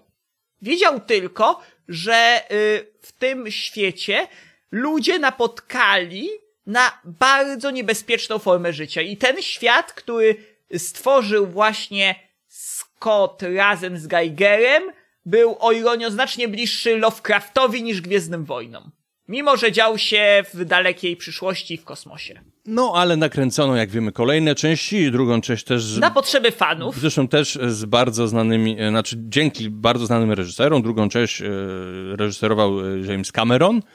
No i tam dowiadujemy się dużo więcej też o cyklu życiowym tego ksenomorfa. W ogóle trzeba zacząć od tego, że w momencie, kiedy ten film powstał, też dokładnie jak w przypadku Gwiezdnych Wojen, powstała fala fascynacji, zaczęły pojawiać się jakieś fanfiki, książki, yy, oczywiście, no wiadomo, wtedy jeszcze nie można było gier komputerowych, ale komiksy jak najbardziej, jakieś gry RPG, planszówki oczywiście, fandom olbrzymi powstał i zaczęli się ludzie gromadzić wokół tego filmu, więc wiadomo, okazało się, że to jednak było trafione i pojawiły się osoby, które chciały tą franczyzę kontynuować. No bo jeszcze wracając do poprzedniego, czyli do tego filmu, który jest arcydziełem, można powiedzieć, Kla- e, właśnie kinem klasycznym, fenomenalnym, e, który naprawdę pokazuje tą istotę w sposób taki niepokojący, ale i fascynujący, to trzeba jeszcze zauważyć, moim zdaniem, że wtedy, ponieważ nie było żadnego pomysłu na jakiś rój i tak dalej, to nikt w tamtym momencie o tym nie myślał. Myślał, że to jest jakby taka istota, która po prostu jest inteligentna, jest w stanie rozbudować sobie, przerobić kogoś na jajo, ale prawdopodobnie nikt nie zastanawiał się nad tym, czy one ma, jakby czy są między nimi jakieś interakcje międzyosobnicze. To było całkowitą zagadką. Tak, w pierwszym filmie e, ksenomorf jawi się, przynajmniej, znaczy nie, no w ogóle, jako indywidualny w postaci dorosłej drapieżnik, zabójca. E, Właściwie trochę tak jak większość kotów, tak? Dokładnie, który poluje na swoje ofiary i no wiadomo, próbuje przeżyć. Jeszcze tak mm, nawiasem mówiąc, jest taki film z 2017 roku, o ironio, bo tego samego roku wyszedł film Obcy Przymierze, to tego samego roku wyszedł film, tylko że o miesiąc wcześniej pod tytułem Live. I tam występuje y, istota z Marsa, która jest właśnie takim mackowatym potworem. I dlaczego o niej wspominam? Bo tak mniej więcej, tylko oczywiście, że to jest już wiadomo komputerowo, ale tak mniej więcej miał wyglądać ksenomorf przed y, pomysłem Geigera. Przed przyjściem Geigera ta istota miała wyglądać tak jak Calvin z Life. Tak miał wyglądać ksenomorf. Okej, no i pewnie jak to przy wielu filmach, e, wraz ze zmianami tutaj tego scenariusza, zmianami w wyglądzie i w cyklu życiowym e, obcego, mm, no następowały też zmiany w całym scenariuszu, no bo jego zachowanie obcego wymuszało też pewne inne działania Dokładnie. jego wrogów, czyli w tym wypadku ludzi. E, No dobrze, no i co się dowiadujemy o cyklu życiowym ksenomorfa, jakie są jego dalsze etapy tego cyklu w drugiej i trzeciej części? Czy dowiadujemy się tego, czy on tych ludzi, których zabijał w postaci dorosłej, e, w postaci dorosłej zjadał na przykład też? Właśnie i tutaj wchodzimy właśnie w część drugą, ponieważ w ogóle część druga jest o tyle fascynująca, bo to jest też nawet film y, dokumentalny o tym i jest wiele dowodów na to, nawet sam y, już nie Scott, tylko oczywiście James Cameron przyznaje, że jego film, czyli Aliens, po polsku Obcy Ostateczne Starcie, co wynika z tego, że po angielsku można dodać s, po polsku jakby więcej obcych. Więcej obcych. Gdyby to było na przykład kosmita, to byłoby kosmici po prostu. Bo po polsku robię no ostateczne starcie, bo trzeba było to jakoś e, inaczej przedstawić, że to nie jest ten sam film. Że to jest Obcy 2. I ten film tak naprawdę jest rebootem filmu Them. Film Them jest czarno-białym filmem o ataku zmutowanych radioaktywnych mrówek. I tutaj dodam, że praktycznie, i to nie jest metafora, bo bardzo dużo scen w filmie Obcy, yy, ostateczny stał się Obcy 2, jest dosłownie kalką ze scen z filmu o tych radioaktywnych, olbrzymich mrówkach, chociażby ratowanie dziewczynki, gniazdo królowej, uciekanie przed rojem, porywanie przez rój i tak dalej. Okej, czyli dla mm, uspołecznienia ksenomorfa, dla uczynienia go organizmem bardzo społecznym i posiadającym królową, tak jak u organizmów eusocjalnych, przyczyniły się y, mrówki. Tak, po prostu horror o gigantycznych mrówkach stał się olbrzymią inspiracją i stwierdzono właśnie, a co jeśli obcy miałby właśnie społeczność? I tutaj wchodzimy do tego, że jak wiadomo zła korporacja Wayland Yutakani, jeżeli już dowiedziała się od Ripley, że jest takie miejsce, że jest taka planeta, to wiadomo, że pojechali tam ludzie, tylko tym razem wiadomo nau naukowcy i postanowili te jaja wziąć. I nie, No naukowcy i e, specjaliści, i służby specjalne. Dokładnie. I wiadomo, że wydarzyło się niefajnie. I w ogóle film zaczyna się od tego, że Ripley, która no wróciła, już chce zawiązać koniec z końcem i wrócić do normalnego życia. Yy, jest wezwana przez właśnie służby, żeby opowiedzieć, co się stało i tak dalej. I dostaje właśnie propozycję, że, y, czyli zostaje poinformowana w ogóle o tym, że na tej planecie zrobili obozowisko i stracili z nim kontakt, bo to jest ważne, że y, sygnały radiowe się skończyły, jakby nie wiadomo co się dzieje. I w momencie, w którym. No bo wcześniej zaprzeczają zagrożeniu w momencie, kiedy ją zwalniają. Tak, Tak. jest ta scena pokazana. Ona oczywiście wie, że to się tak sko- skończy i oni jej dają propozycję, że jeżeli tam pojedzie, to dostanie, no wiadomo, tak jak zawsze, bardzo dużo pieniędzy. i y, koncesję jej Tak. Że po prostu właśnie, że dostanie odpowiednie korzyści w zamian za to. I wtedy zauważamy, że film trochę się zmienia, bo nie jest to już horror o ludziach, którzy są tak naprawdę pracownikami kopalni czy zwykłymi tragarzami, tylko wiadomo w świecie science fiction tragarzami, tylko mamy wyspecjalizowanych komandosów, którzy no są specjalistami w swojej dziedzinie, są, posiadają no najbardziej rozbudowaną broń, dodam, że obrotówy, których używają są to największe w historii kina, jakich się używało. Dotychczas w filmie nie pokazano większego uzbrojenia, bo to miało właśnie zmylić i bardzo dużo osób odbiło się od drugiej części Obcych właśnie dlatego, że mm, pozornie, jeżeli tego filmu się nie ogląda do końca, to pierwsza połowa przypomina bardziej właśnie film taki typowy film akcji w stylu Rambo, czy właśnie w stylu z y, Jean-Claude Van Damme, Schwarzeneggerem i tak dalej. Strzelanka taka. Tak, typową akcyjniaka strzelankę. I wiadomo, oni się tam ze sobą zgrywają, no zachowują się jak żołnierze przed bitwą. Bo tam jest powiedziane, że to są komandosi, najlepsi z najlepszych Marines. I oni wjeżdżają tam. Najlepszy z najlepszych, ale okazuje się, że ten, e, jak go się przepytuje już w sytuacji stresowej, szef, teraz nie pamiętam stopnia wojskowego, jaki on miał, e, to jest to jego chyba tylko wcześniej ćwiczył na symulacjach. Dokładnie, bo... Więc no Pamiętajmy, tak że życie, w którym oni żyją, jest ciut inne niż nasze, bo pamiętajmy, że w tym świe- ten świat jest taki bardzo, bym powiedział, cyberpunkowy, taki bardzo anarchokapitalistyczny, gdzie korporacje zaprowadziły, oczywiście to jest w cudzysłowie pokój. Generalnie taka, taki Orwell, tylko że zamiast y, państw mamy korporacje, że po prostu korporacje są tak potężne, że uzgod- podpisały pakt, że nie będą się atakować. Tak, bo to już są lata 80., gdzie jest wykwit kultury czy subkultury w literaturze i filmografii e, cyberpunkowej właśnie. No więc ten film się jakby to wp- wpisuje. Wpisuje w taką właśnie mroczną, bo warto zauważyć, że my nie wiemy, co się dzieje na Ziemi. Ziemia nie jest nigdy pokazana wprost, więc y, jakieś tam są przebłyski, przebąkiwania, natomiast Ziemi jako Ziemi dodam, że nie widzimy w całej serii. W całej serii filmów tak naprawdę nie widzimy, jak wygląda Ziemia naprawdę. Więc wiemy tylko, że coś y, jest, ten świat wygląda inaczej niż my go zapamiętaliśmy. I o co chodzi? Najpierw jeszcze proszę o odpowiedź na to pytanie, mm, które ponawiam, czy ten y, dorosła postać xenomorfa jadła ludzi, czy nie.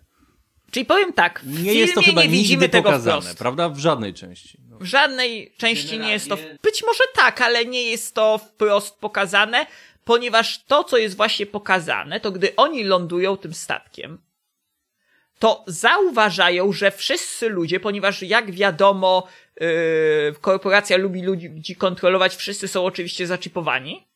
I okazuje się, że wszyscy są w jednej sali, że jest olbrzymia sala, w której ca olbrzymie, no bo to był olbrzymi kompleks badawczy, wszyscy znajdują się w jednym miejscu. Znaczy ksenomorf. Nie, nie ksenomorfy, yy, załoga, w sensie yy, wszyscy ci ludzie... Aha, których oni y, pojechali uratować. Tak, Faktycznie, że oni, że cała baza jest pusta, bo oni właśnie wchodzą i zauważają, że baza jest pusta i natrafiają tylko na jedną dziewczynkę, a w całej bazie poza tą dziewczynką nikogo nie ma. Wszystkie tylko ewentualnie znajdują dwa twarzołapy zamknięte w słojach. Co pierwotnie myślą, że są martwe, ale kiedy jeden z bohaterów próbuje dotknąć, to twarzołap się budzi, próbuje się wydostać, ale nie może się wydostać, czyli prawdopodobnie opracowali ci naukowcy coś, co jest na tyle wytrzymałe, że yy, twarzołap nie jest w stanie tego przebić.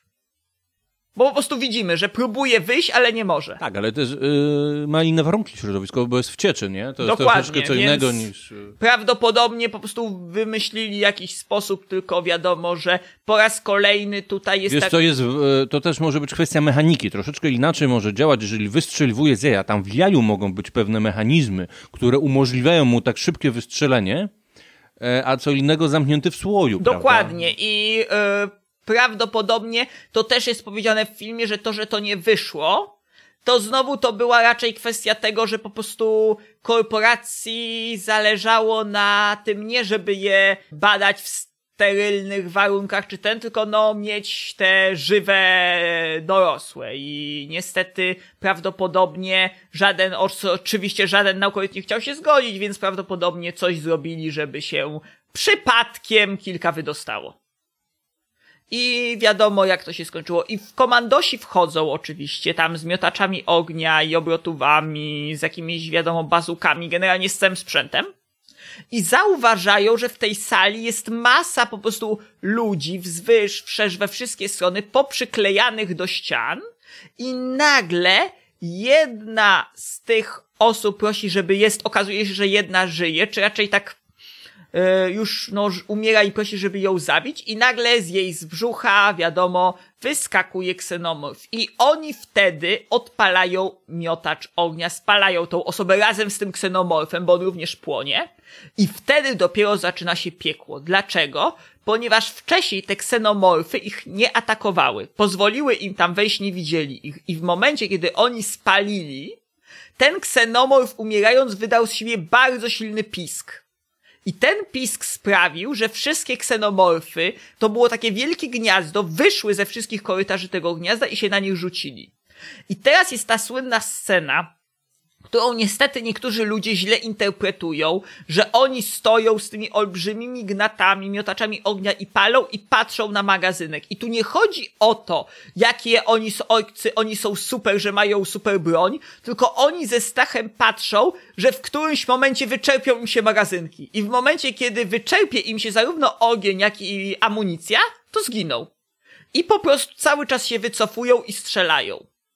I mają taki pomysł, żeby, że tego się nie da uratować. Znaczy, tutaj już jest nowa rzecz, się dowiadujemy o biologii ksenomorfa, że to, to są organizmy, które razem potrafią współdziałać. Współdziałać, że są to, mówiąc krótko, organizmy eusocjalne, bo to jest Nie, właściwa no, to, to nazwa. się później dowiadujemy, że aż eusocjalne. Natomiast na pewno, że tworzą grupy. Że są to, o, stworzenia, masz rację, przepraszam za szybko, że są to stworzenia stadne. Że są to stworzenia, które budują duże stada. I wspólnie potrafią y, opracowywać strategię polowania, polując na ludzi. W tym momencie zastawili na ludzi pułapkę. Dokładnie. I ci ludzie wycofując się, oczywiście salwują się ucieczką i chcąc dostać się, no wiadomo, na yy, statek, dochodzą do wniosku, że po prostu wezwą wahadłowiec i po prostu zrzucą tam atomówkę, że tego się nie da zrobić inaczej, że po prostu y, bomba atomowa to jest jedyne, co im przychodzi do głowy. Ale niestety mają pecha, bo wahadłowiec przejmują ksenomorfy. A co to oznacza? Oznacza to, że nie mogą wrócić na statek na orbicie. I tam jest scena, kiedy właśnie jeden z tych, właśnie ten sierżant to chyba był, mówi to słynne It's game over, man, game over. Kiedy właśnie są, i tutaj się zaczyna znowu ten powrót do tego, co było w pierwszej części, że mamy grupę ludzi w klaustrofobicznym pomieszczeniu, która cały czas się rozgląda i ma świadomość, że w każdej chwili może zostać zabita, bo amunicja się kończy, no, prowiantu też nie ma, pomocy się nie wezwie. Dodatkowo jeszcze dowiadują się, że tak naprawdę jeden z nich był też znów tylko po to, aby przywieźć tego ksenomorfa na ziemię.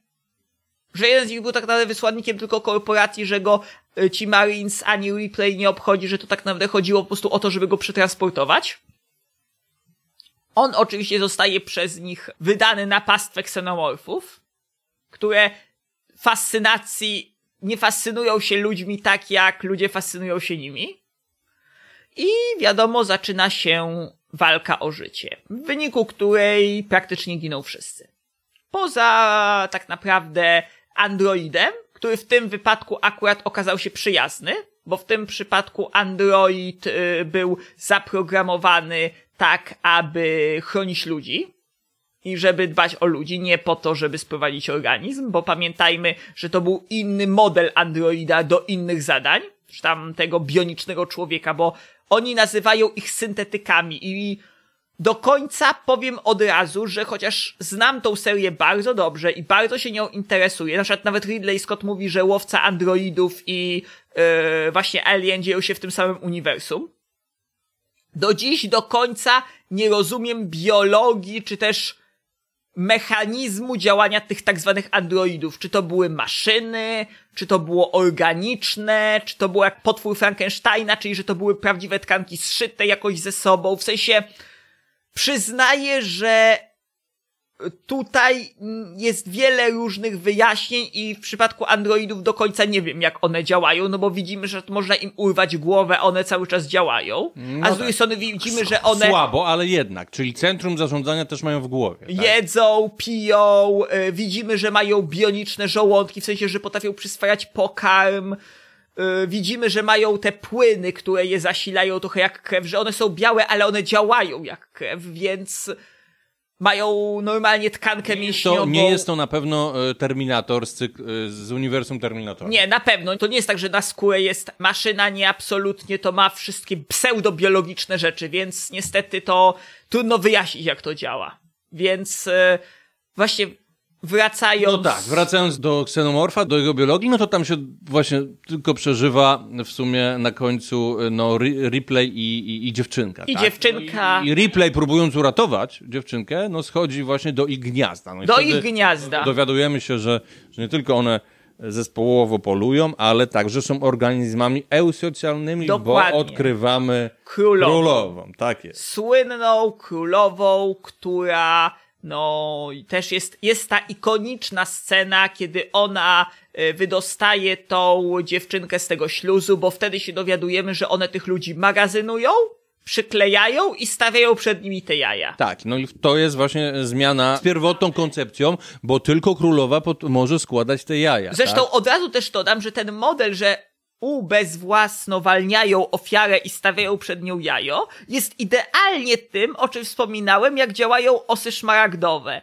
że też potrafią czasami zbiorowo wyłapywać karaczany, magazynować się razem z jajami i tam się wykluwają. Tak jest, ale takich przypadków oczywiście więcej. Są e, na przykład pewne m, też e, osy, które m, pająki na przykład sprowadzają do gniazda sparaliżowane. Tak? Dokładnie. W ogóle sparaliżo- takich przypadków parazytoidów wśród błąkówek są takie przypadki, gdzie no, porażone jadem owady sprowadza się i one cały czas sobie żyją, ale nie są w stanie się poruszać, uciekać. tak? Więcej nawet, bo już kiedyś mówiłem, prawdopodobnie eusocjalność w przeciwieństwie do termitów Eusocjalność błonkówek wyewoluowała właśnie z tego, że wyspecjalizowały się na początku w zbiorowej hodowli żywicieli dla swoich larw. I w ogóle najprawdopodobniej od tego zaczęło się ich życie, powiedzmy, społeczne, które zaczęło się potem specjalizować. I tym punktem wyjścia było właśnie to, że parazytoidy zamiast niezależnie łapać, zaczęły zbiorowo pomagać w sobie w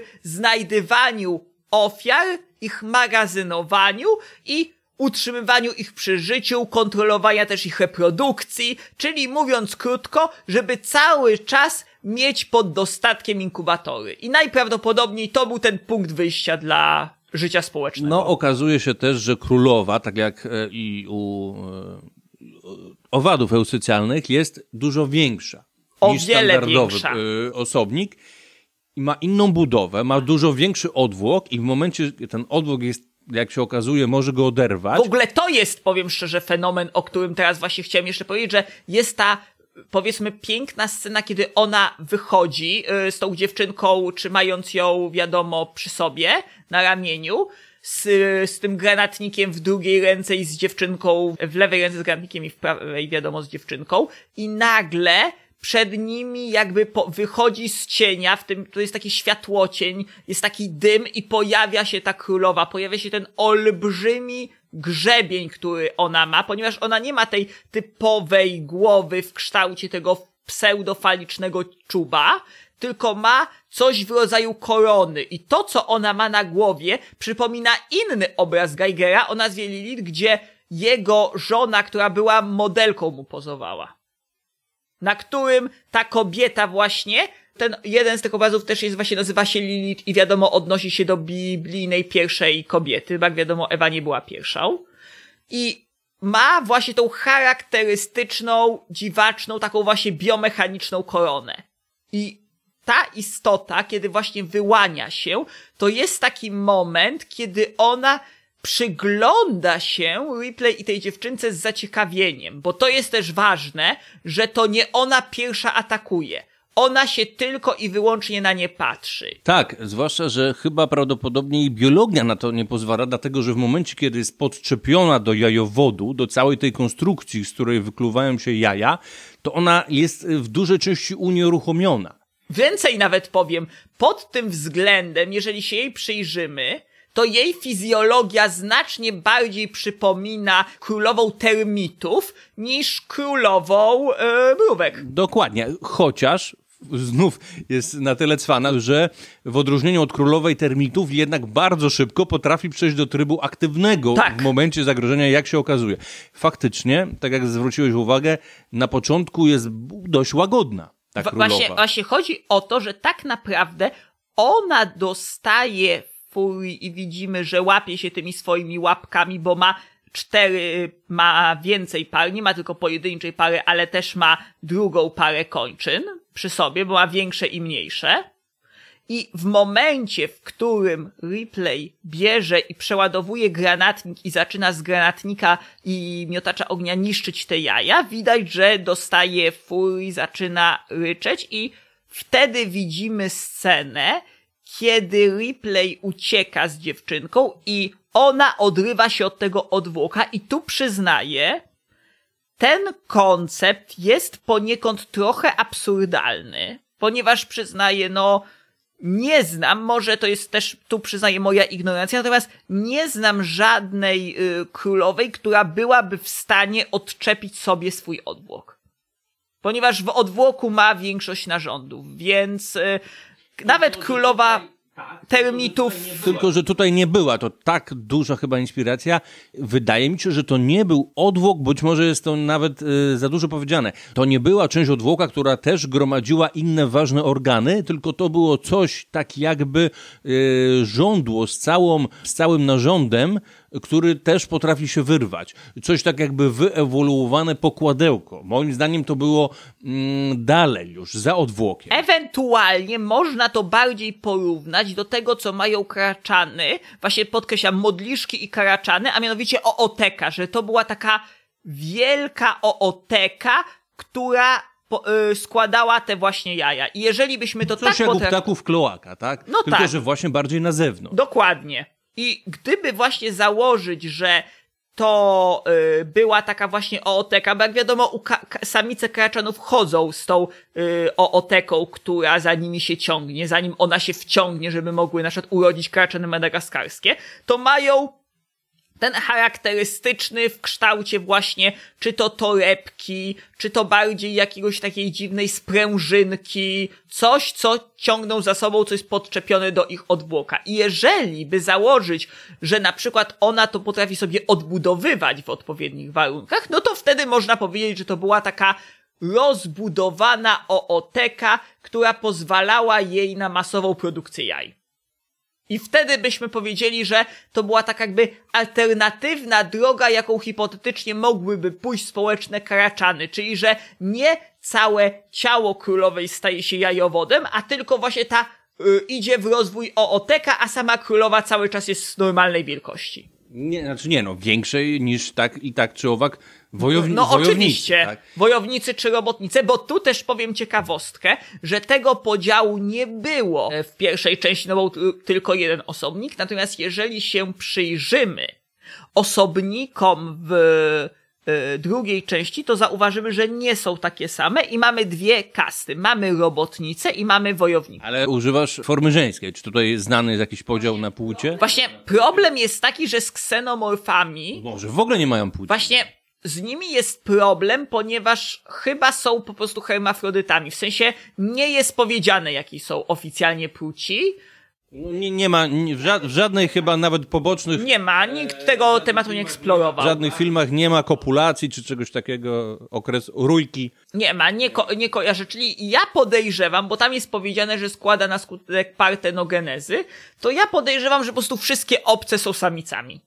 Tylko po prostu nie rozwijają... czyli prawdopodobnie istnieje coś takiego jak telitokia, czyli mają Telitokia, możliwość tak. wyhodowania królowej z niezapłodnionego Dokładnie. jaja. Okej, i teraz e, jak w takim razie ewoluują? Czy po prostu polegają na mutacjach? Najprawdopodobniej tak. Na mutacjach i to, co się okazuje w trzecim odcinku, do którego zaraz przejdziemy, tam już się dowiadujemy, że podczas pasożytowania wewnątrz gospodarza pobierają od niego materiał genetyczny i w ten sposób mogą też ewoluować. Dokładnie. Ponieważ są w stanie pobierać zarówno materiał genetyczny, jak i w jakiś sposób florę bakteryjną, przez co są w stanie zaadaptować się do warunków, w jakich teoretycznie żyje ich żywiciel. I to też są przykłady oczywiście z prawdziwej biologii, kradzież genów, jakby to nie nazwać, mnóstwo jest. Genokrady są bardzo powszechne. Nie jest to nic.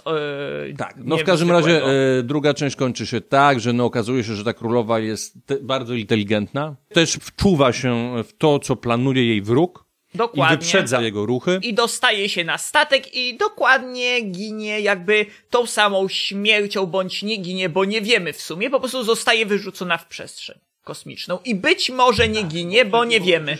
Biorąc pod uwagę jej biologię, mo- mogły być spokojnie odporne na e, próżnię. Mogły być, czyli wiemy o tym, że one mogły przebywać w próżni. Czyli bardzo możliwe, że po prostu wchodziły w stan hibernacji i w momencie jak trafiały na warunki dogodne, to budziły się z powrotem do życia. No na pewno wiemy, że, ta, że jajo potrafiło przetrwać o bardzo, bardzo długi czas. Bardzo długi czas, bo pamiętajmy, że pierwszy film jest powiedziane, że ten statek ma minimum kilka tysięcy lat, który tam, tam leży na tej planecie, który wysyła ten sygnał.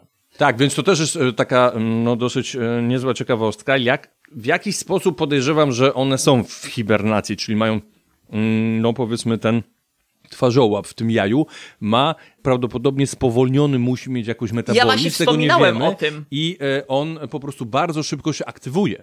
Tak, bo ja o tym nawet wspominałem, że y, on się może, ponieważ on y, zastępuje tkankę mieszanką polimerów i silikonu w swoim ciele i potrafi w jakiś sposób ten polimery i silikon znowu zmienić w normalną tkankę. Okej. Co nie jest, y, niestety nie jest wytłumaczone dokładnie, jak on to robi, natomiast to jest też wspomniane, że on potrafi jakby się y, unieczynnić i po prostu Tak. znowu przywrócić. No, gdyby Tolkien był na przykład autorem m, tego świata, to prawdopodobnie byłoby to bardzo wytłumaczone wszystko dokładnie, tak. Jak, jak, jak one działają. Tak, na pewno. Chociaż Tolkien, wiadomo, wolał światy fantazy, więc tak, ten tak, świat tak. by No tak, ale podpasował. lubił wszystko mieć dopięte e, Na ostatni na ostatni guzik. guzik. Dokładnie, dokładnie. Więc wracając do tej historii, właśnie wracając do części drugiej, razem z dziewczynką, y, zniszczonym przez królową androidem oraz y, jednym sierżantem, który już nie pamiętam, że on był prawie na skraju śmierci, bo on tam stracił oko, rękę, ale jeszcze tam dychał i go zabrała ze sobą Ripley. Wchodzimy do części trzeciej. No i Android, Android. Nie, sierżant też przeżył. E, Tak, tak, ale Android został rozerwany, Rozerwany już na, na pół, tak. Tak, tak, już na... W sensie dlatego mówię, że ona resztkę tego androida wsadziła do komory hibernacyjnej, Tak, dziewczynkę, tego właśnie jednego sierżanta i siebie. Dokładnie, dokładnie. No i tak się kończy, Część czyli dowiadujemy się, że są eusocjalne, podsumowując, królowa jest dużo większa, inaczej zbudowana, prawdopodobnie jest jakoś e, specjalnie hodowana. Hodowana i składa jaja w dosyć nietypowy sposób, bo ma taki przenośny narząd, który najprawdopodobniej może sobie regenerować. No na pewno opiekują się nią wojownicy, robotnicy, no bo przynoszą jej właśnie te, te tego, ale też nie wiemy po prostu o odżywianiu i tak dalej. No gniazdo budują duże, właśnie jest to gniazdo oblepione tą żywicą, hosty, gospodarze są unieruchomiani, także jest to do, dosyć dla nich nieprzyjemne, szczególnie, że zdają sobie sprawę ze swojej rychłej e, śmierci brutalnej. No i, i tak się to mniej więcej kończy. W trzecim odcinku właśnie mm, dowiadujemy się, że któryś dzieje się w więzieniu. Tak, na specjalnej, bo to jest w ogóle ciekawy temat. Dlaczego? Bo e, trzeba pamiętać, że reżyser tego filmu wcześniej robił teledyski, a jest to ten sam reżyser, który zrobił chociażby takie hity jak Fight Club, 7, Okej, przypomnijmy jego nazwisko. David Fincher. Okej. I on jest raczej znany z tego, jak nawet w jednym podcaście takim popkulturowym rozmawiali, że to jest ten człowiek, który kocha robić filmy o tym, jakimi ludzie są podłymi kreaturami. Że to jest człowiek, którego jakby wręcz napawa się w swoich filmach połączeniem efektu Lucyfera i efektu Lilith. Od razu powiem dla precyzji, są to dwa efekty psychologiczne opisane przez Zimbardo.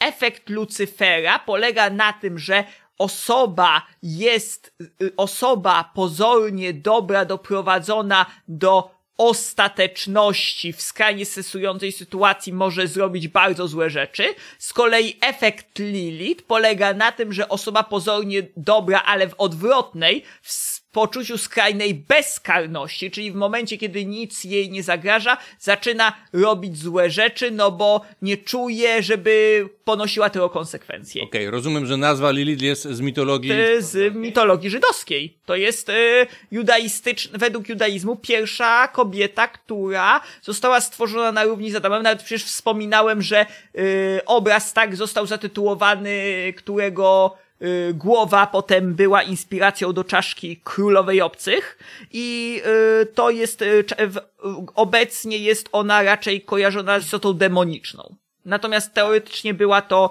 według Biblii Manipulantka. tak, kobieta, która stwierdziła, że nie chce być z Adamem i została żoną Lucyfera. I to jest jakby ta mitologiczna, natomiast to jest o wiele bardziej złożona historia, bo jak wiadomo, mity były tak jak greckie czy egipskie, bardzo złożone, mi- mity hebrajskie, więc yy, w każdym razie była to postać mitologiczna. Tak, ja lubię tą trzecią część, bo ma w sobie taki, wiele osób nie lubi, a ja lubię, ma w sobie taki klimat. Tam Tak. też jest ta- tajemniczy klimat, nie od razu ten ksenomorf jest tak, nie tak szybko się pojawia jak w Alien, w Aliens, czyli w dwójce.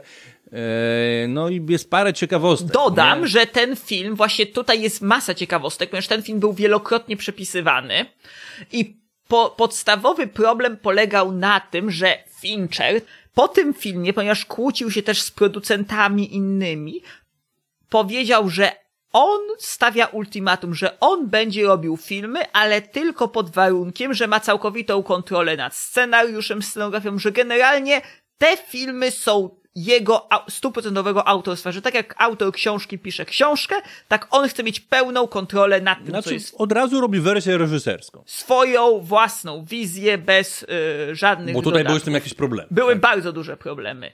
I problem polega też na tym, że on się nad ten film też zgodził, trochę podobnie jak e, Ridley Scott na początku, ponieważ e, też to, e, tak jak Ridley Scott wtedy nie był jeszcze znany, dopiero obcy tak naprawdę dał mu to wszystko, z czym my teraz go kojarzymy. To tak samo było z e, właśnie Fincherem, że on nie chciał właśnie to, że tam jest tak mało tego ksenomorfa, wynika z tego, że wbrew pozorom dla niego ten ksenomorf był na siłę.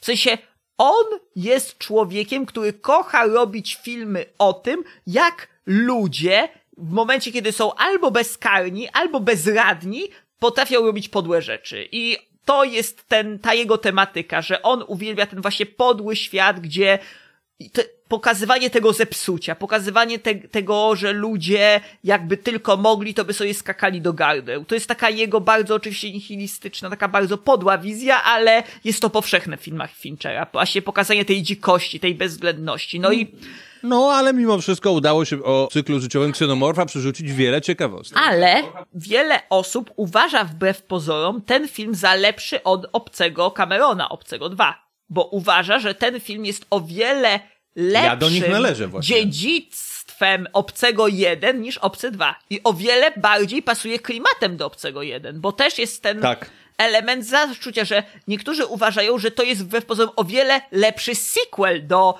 oryginalnej wersji Scotta niż yy, film drugi. Zgadzam który... się. No tutaj też mamy do czynienia w sumie z jednym ksenomorfem, nie? Tak. Ale dowiadujemy się właśnie tutaj, że w zależności, e, szczególnie, że mamy dwie różne wersje.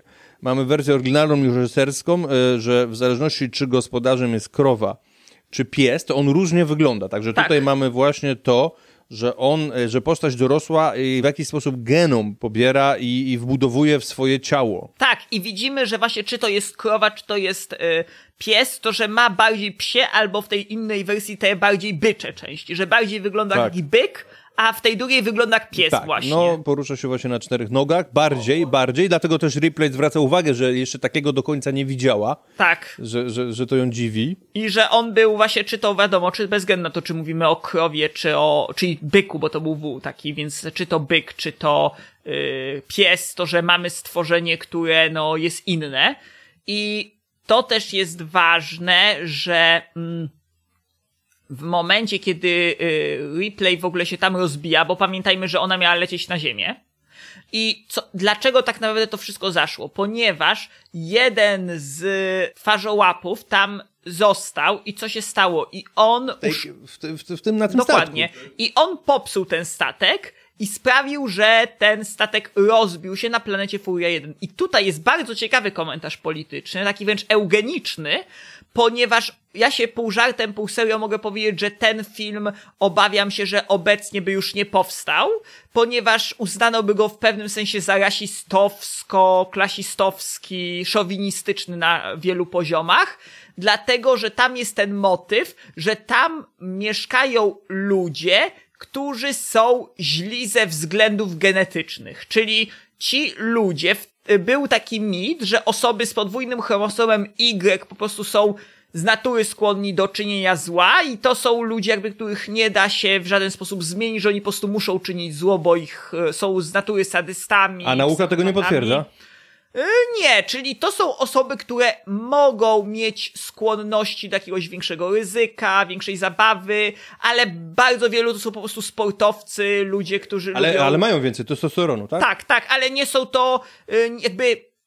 To też trzeba pamiętać, że często y, się to myli i o tym pisał o ironio zarówno Sapolsky, taką ciekawostkę powiem w książce Kłopoty z, czy Kłopot z testosteronem, jak i na przykład Cordelia Fine w książce Testosteron Rex, że problemem nie jest jakby testosteron nie jest hormonem agresji. I testosteron wpływa właśnie na budowę mięśni, na, na siłę i tak dalej, ale W ogóle na, Na maskulinizację maskulinizację. ciała jeszcze w okresie płodowym. szczególnie, natomiast bardzo ważna rzecz, nie odpowiada chociażby za y, agresję tak rozumianą, jak my ją rozumiemy, jakąś właśnie chęć gwałtów, chęć zabijania, zasadyzm. Dlaczego? Ponieważ to z kolei jest związane znacznie bardziej z zaburzeniami w obrębie płatów przedczołowych, ponieważ osoby bardzo wysoką ilością testosteronu, ale z bardzo silnie rozwiniętymi płatami przedczołowymi, to zazwyczaj są takie, bym powiedział, duże y, misie, takie poczta, tacy mężczyźni typu poczciwe misie, trochę jak ten stereotypowy a, Obelix z Asterixa i Obelixa, czyli raczej tacy mężczyźni, którzy bardziej przytulą, właśnie są duzi, ale są raczej tacy chętni właśnie pomóc, y, przenieść coś komuś, ustąpić. Są to osoby, które właśnie o wiele bardziej wolą gasić konflikty, więc to jakby nie jest to bardziej związane szczególnie, że właśnie osoby z małą ilością testosteronu, ale z bardzo dużą redukcją płatów przedczołowych, to zazwyczaj są osoby określone tak potocznie tak zwanymi jorkami, czyli to są właśnie takie osoby bardzo zajadłe, szczekliwe, mściwe i tak dalej. Więc y, testosteron y, odpowiada za to, że takie osoby są na przykład skłonne bardziej do zabawy, są takie bardziej skłonne do jakiejś aktywności, A do ryzyka? działania, do ryzyka Do też. ryzyka, tak. No i oczywiście ma to co- coś wspólnego z budową, czyli na przykład umieśnieniem. tak? Oczywiście, natomiast, że to, to jest prawda, natomiast nie przekłada się to na agresję w dosłownym rozumieniu tego słowa, bo ja bym powiedział nawet... No na- zresztą w sporcie, że to może mieć wpływ, to nawet świadczą o tym kontrowersje, czyli w praktyce to mm, funkcjonuje. No, czy kobiety, na przykład, które mają terapię y, testosteronową, czy mogą mm, występować z mężczyznami, czy nie. No. Dokładnie. I właśnie tu jest, bym powiedział, że to nawet jak wpływa na zachowanie, to to bardziej wpływa, bym powiedział, na aktywność, spontaniczność. Na przykład osoby z większą ilością testosteronu są na przykład o wiele bardziej śmiałe, chętnie biorą udział w również w organizacjach charytatywnych, są o wiele na przykład bardziej chętne, że trzeba coś zrobić, weźmy i to zróbmy. To są takie osoby znacznie bardziej stanowcze też w tym, co robią, odważne. Natomiast na pewno nie są to osoby agresywne w sensie, że y, są skłonne do bicia się, że to jest o wiele bardziej y, pochodna cechu na przykład bardzo silnego stresu. Właśnie paradoksalnie osoby z bardzo dużą ilością testosteronu, właśnie ciągnąc ten temat, znacznie częściej popełniają przestępstwa właśnie nie ze strachu, tylko właśnie z powodu śmiałości. I dlatego paradoksalnie osoby wysokotestosteronowe są częściej niebezpieczne dla samych siebie niż dla ogółu. No, zrobił nam się tutaj wątek off-topowy, ale mm, kończąc go tak żartobliwie, no, ksenomorf y, miał to w nosie, czy ktoś ma dużo testosteronu, czy ktoś jest takiej czy innej płci. Y, Też nie ma nic powiedziane na temat ich hormonów, czy one na przykład miały y, też testosteron.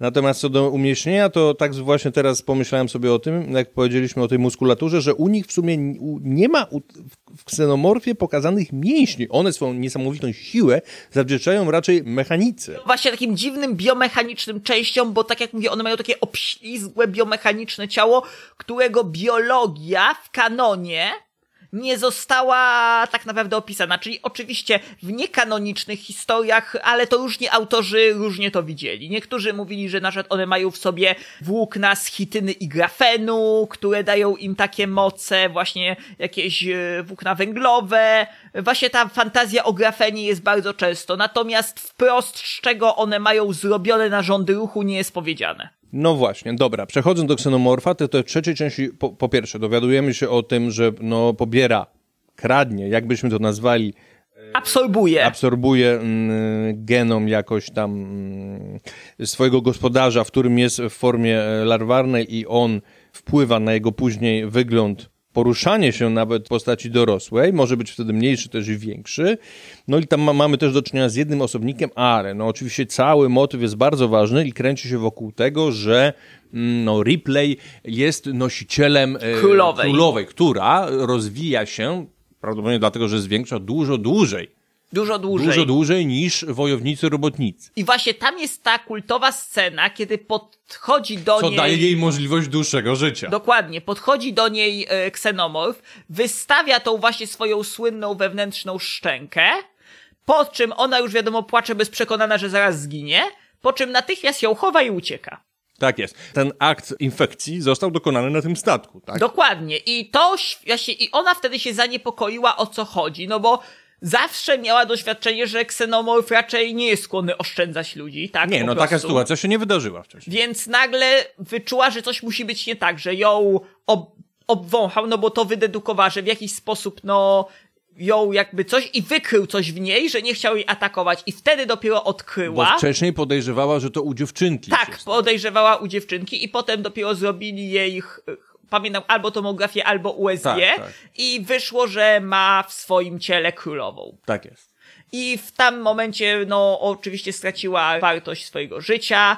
Był ten cały wątek, że ona z tymi e, mężczyznami, tam oni na początku ją chcieli zgwałcić, potem w ogóle ona walczyła też tam o przetrwanie, potem się jej udało pogodzić z tymi ludźmi, którzy właśnie byli genetycznie zaprogramowani na agresję i dlatego byli trzymani w izolacji. Tak jest. No ale jednak też e, mieli, jak się okazało, instynkt e, przetrwania. Tak, i było wielu z nich, którzy na przykład, y, był tam jeden bohater, który y, był w ogóle pastorem i on w ogóle tam ich uczył religii i tak dalej, bo zauważył, że on na przykład sam jej powiedział y, Ripley, że on mordował i gwałcił kobiety i przyznaje to i y, mówi, że on y, czuł w sobie, bo był tam powiedziane z rodziny wierzącej, że on nad sobą nie panował, że w nim to po prostu się włączało i świadomość mu wracała dopiero po fakcie.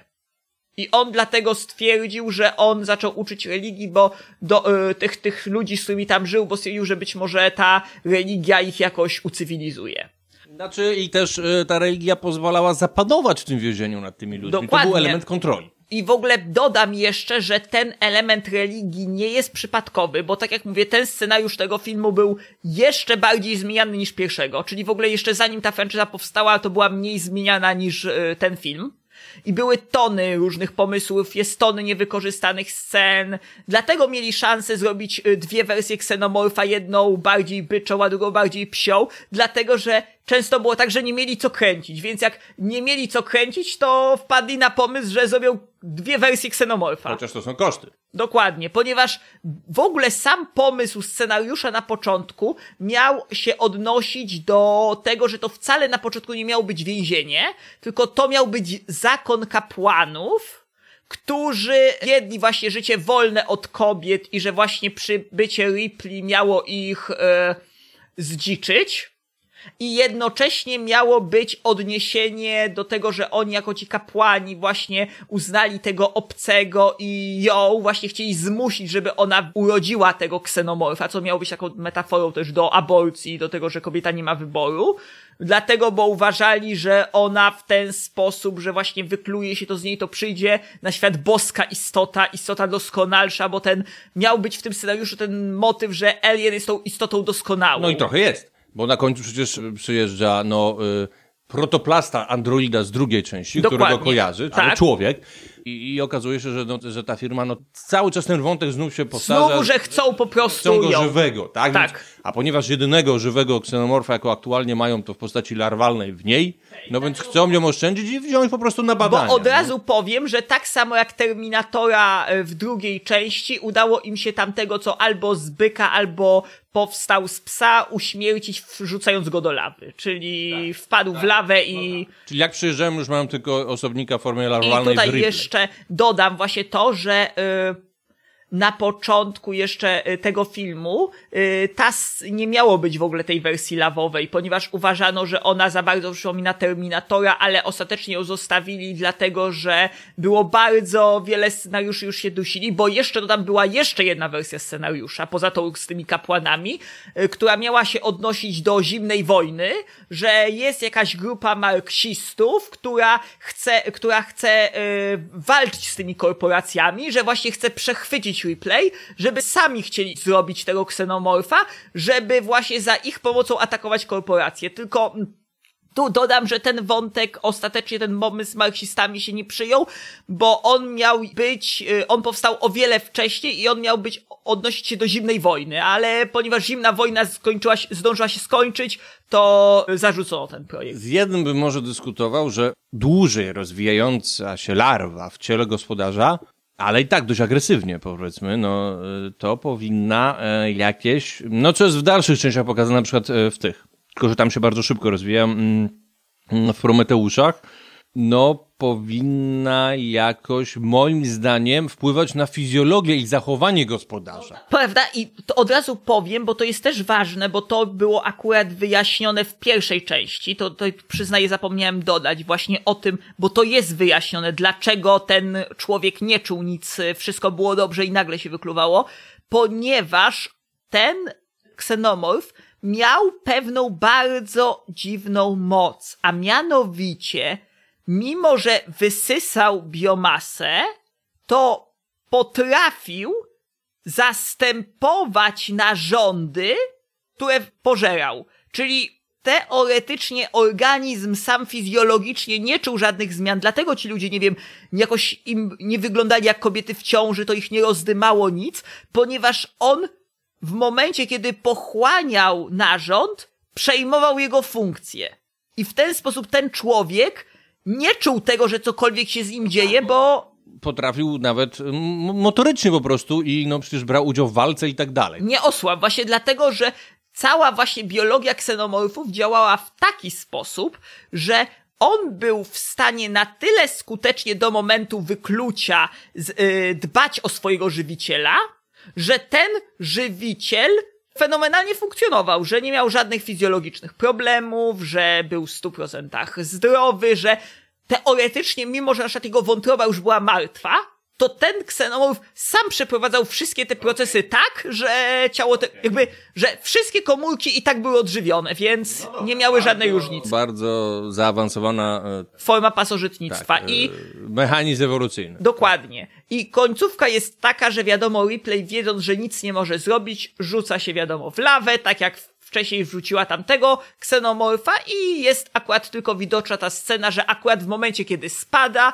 yy, królowa się wykluwa, ale szybko yy, kończy się jej życie. Tak jest. No i wszyscy pewnie wtedy znów myśleli, że to koniec, ale ponieważ e, seria jest popularna, e, ludzie oczekują, no to wypuszczają po jakimś tam e, czasie już. I od razu tu jeszcze dodam, że kiedy mówimy o części, to jest te trzy części, czyli mimo, że są oczywiście krytycy, którzy nie lubią części trzeciej, czy są do niej sceptyczni, bo tak jak mówię, ten scenariusz, powiem tak, na tyle, ile on miał problemów, to ten scenariusz jest świetny. Jakby Fincher zdał egzamin na 100%, bo nie miał tak naprawdę z czym pracować. Tak jak mówię, jak z jednej strony mieliśmy jakichś kapłanów, jakiejś dziwnej religii, a z drugiej strony mieliśmy historię o marksistach, którzy chcą walczyć z korporacją i z tego zrobił film, który ma ręce i nogi o tych więźniach. No i jeszcze po prostu elementy zwykłego horroru. Po Dokładnie.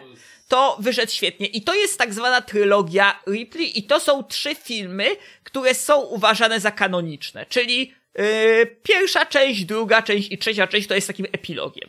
Tak jest, ale o, o tyle warto powiedzieć o czwartej, że tam jest dużo wyjaśnione z biologii ksenomorfa. Bardzo dużo, natomiast powiem od razu, że czwarta część to jest jedna z tych, tych filmów, który jest kochany i nienawidzony, że są ludzie, którzy nawet mówią, że kochają ten film nienawidzić, ponieważ ten film jest tak absurdalny, tak obrzydliwy, tak... Yy, że to już jest bardziej czasami zakrawa o komedię niż o horror, że to jest tak zwany czarny humor, że ten film Zresztą tam e, grają aktorzy, którzy są, e, specjalizują się w takich rolach.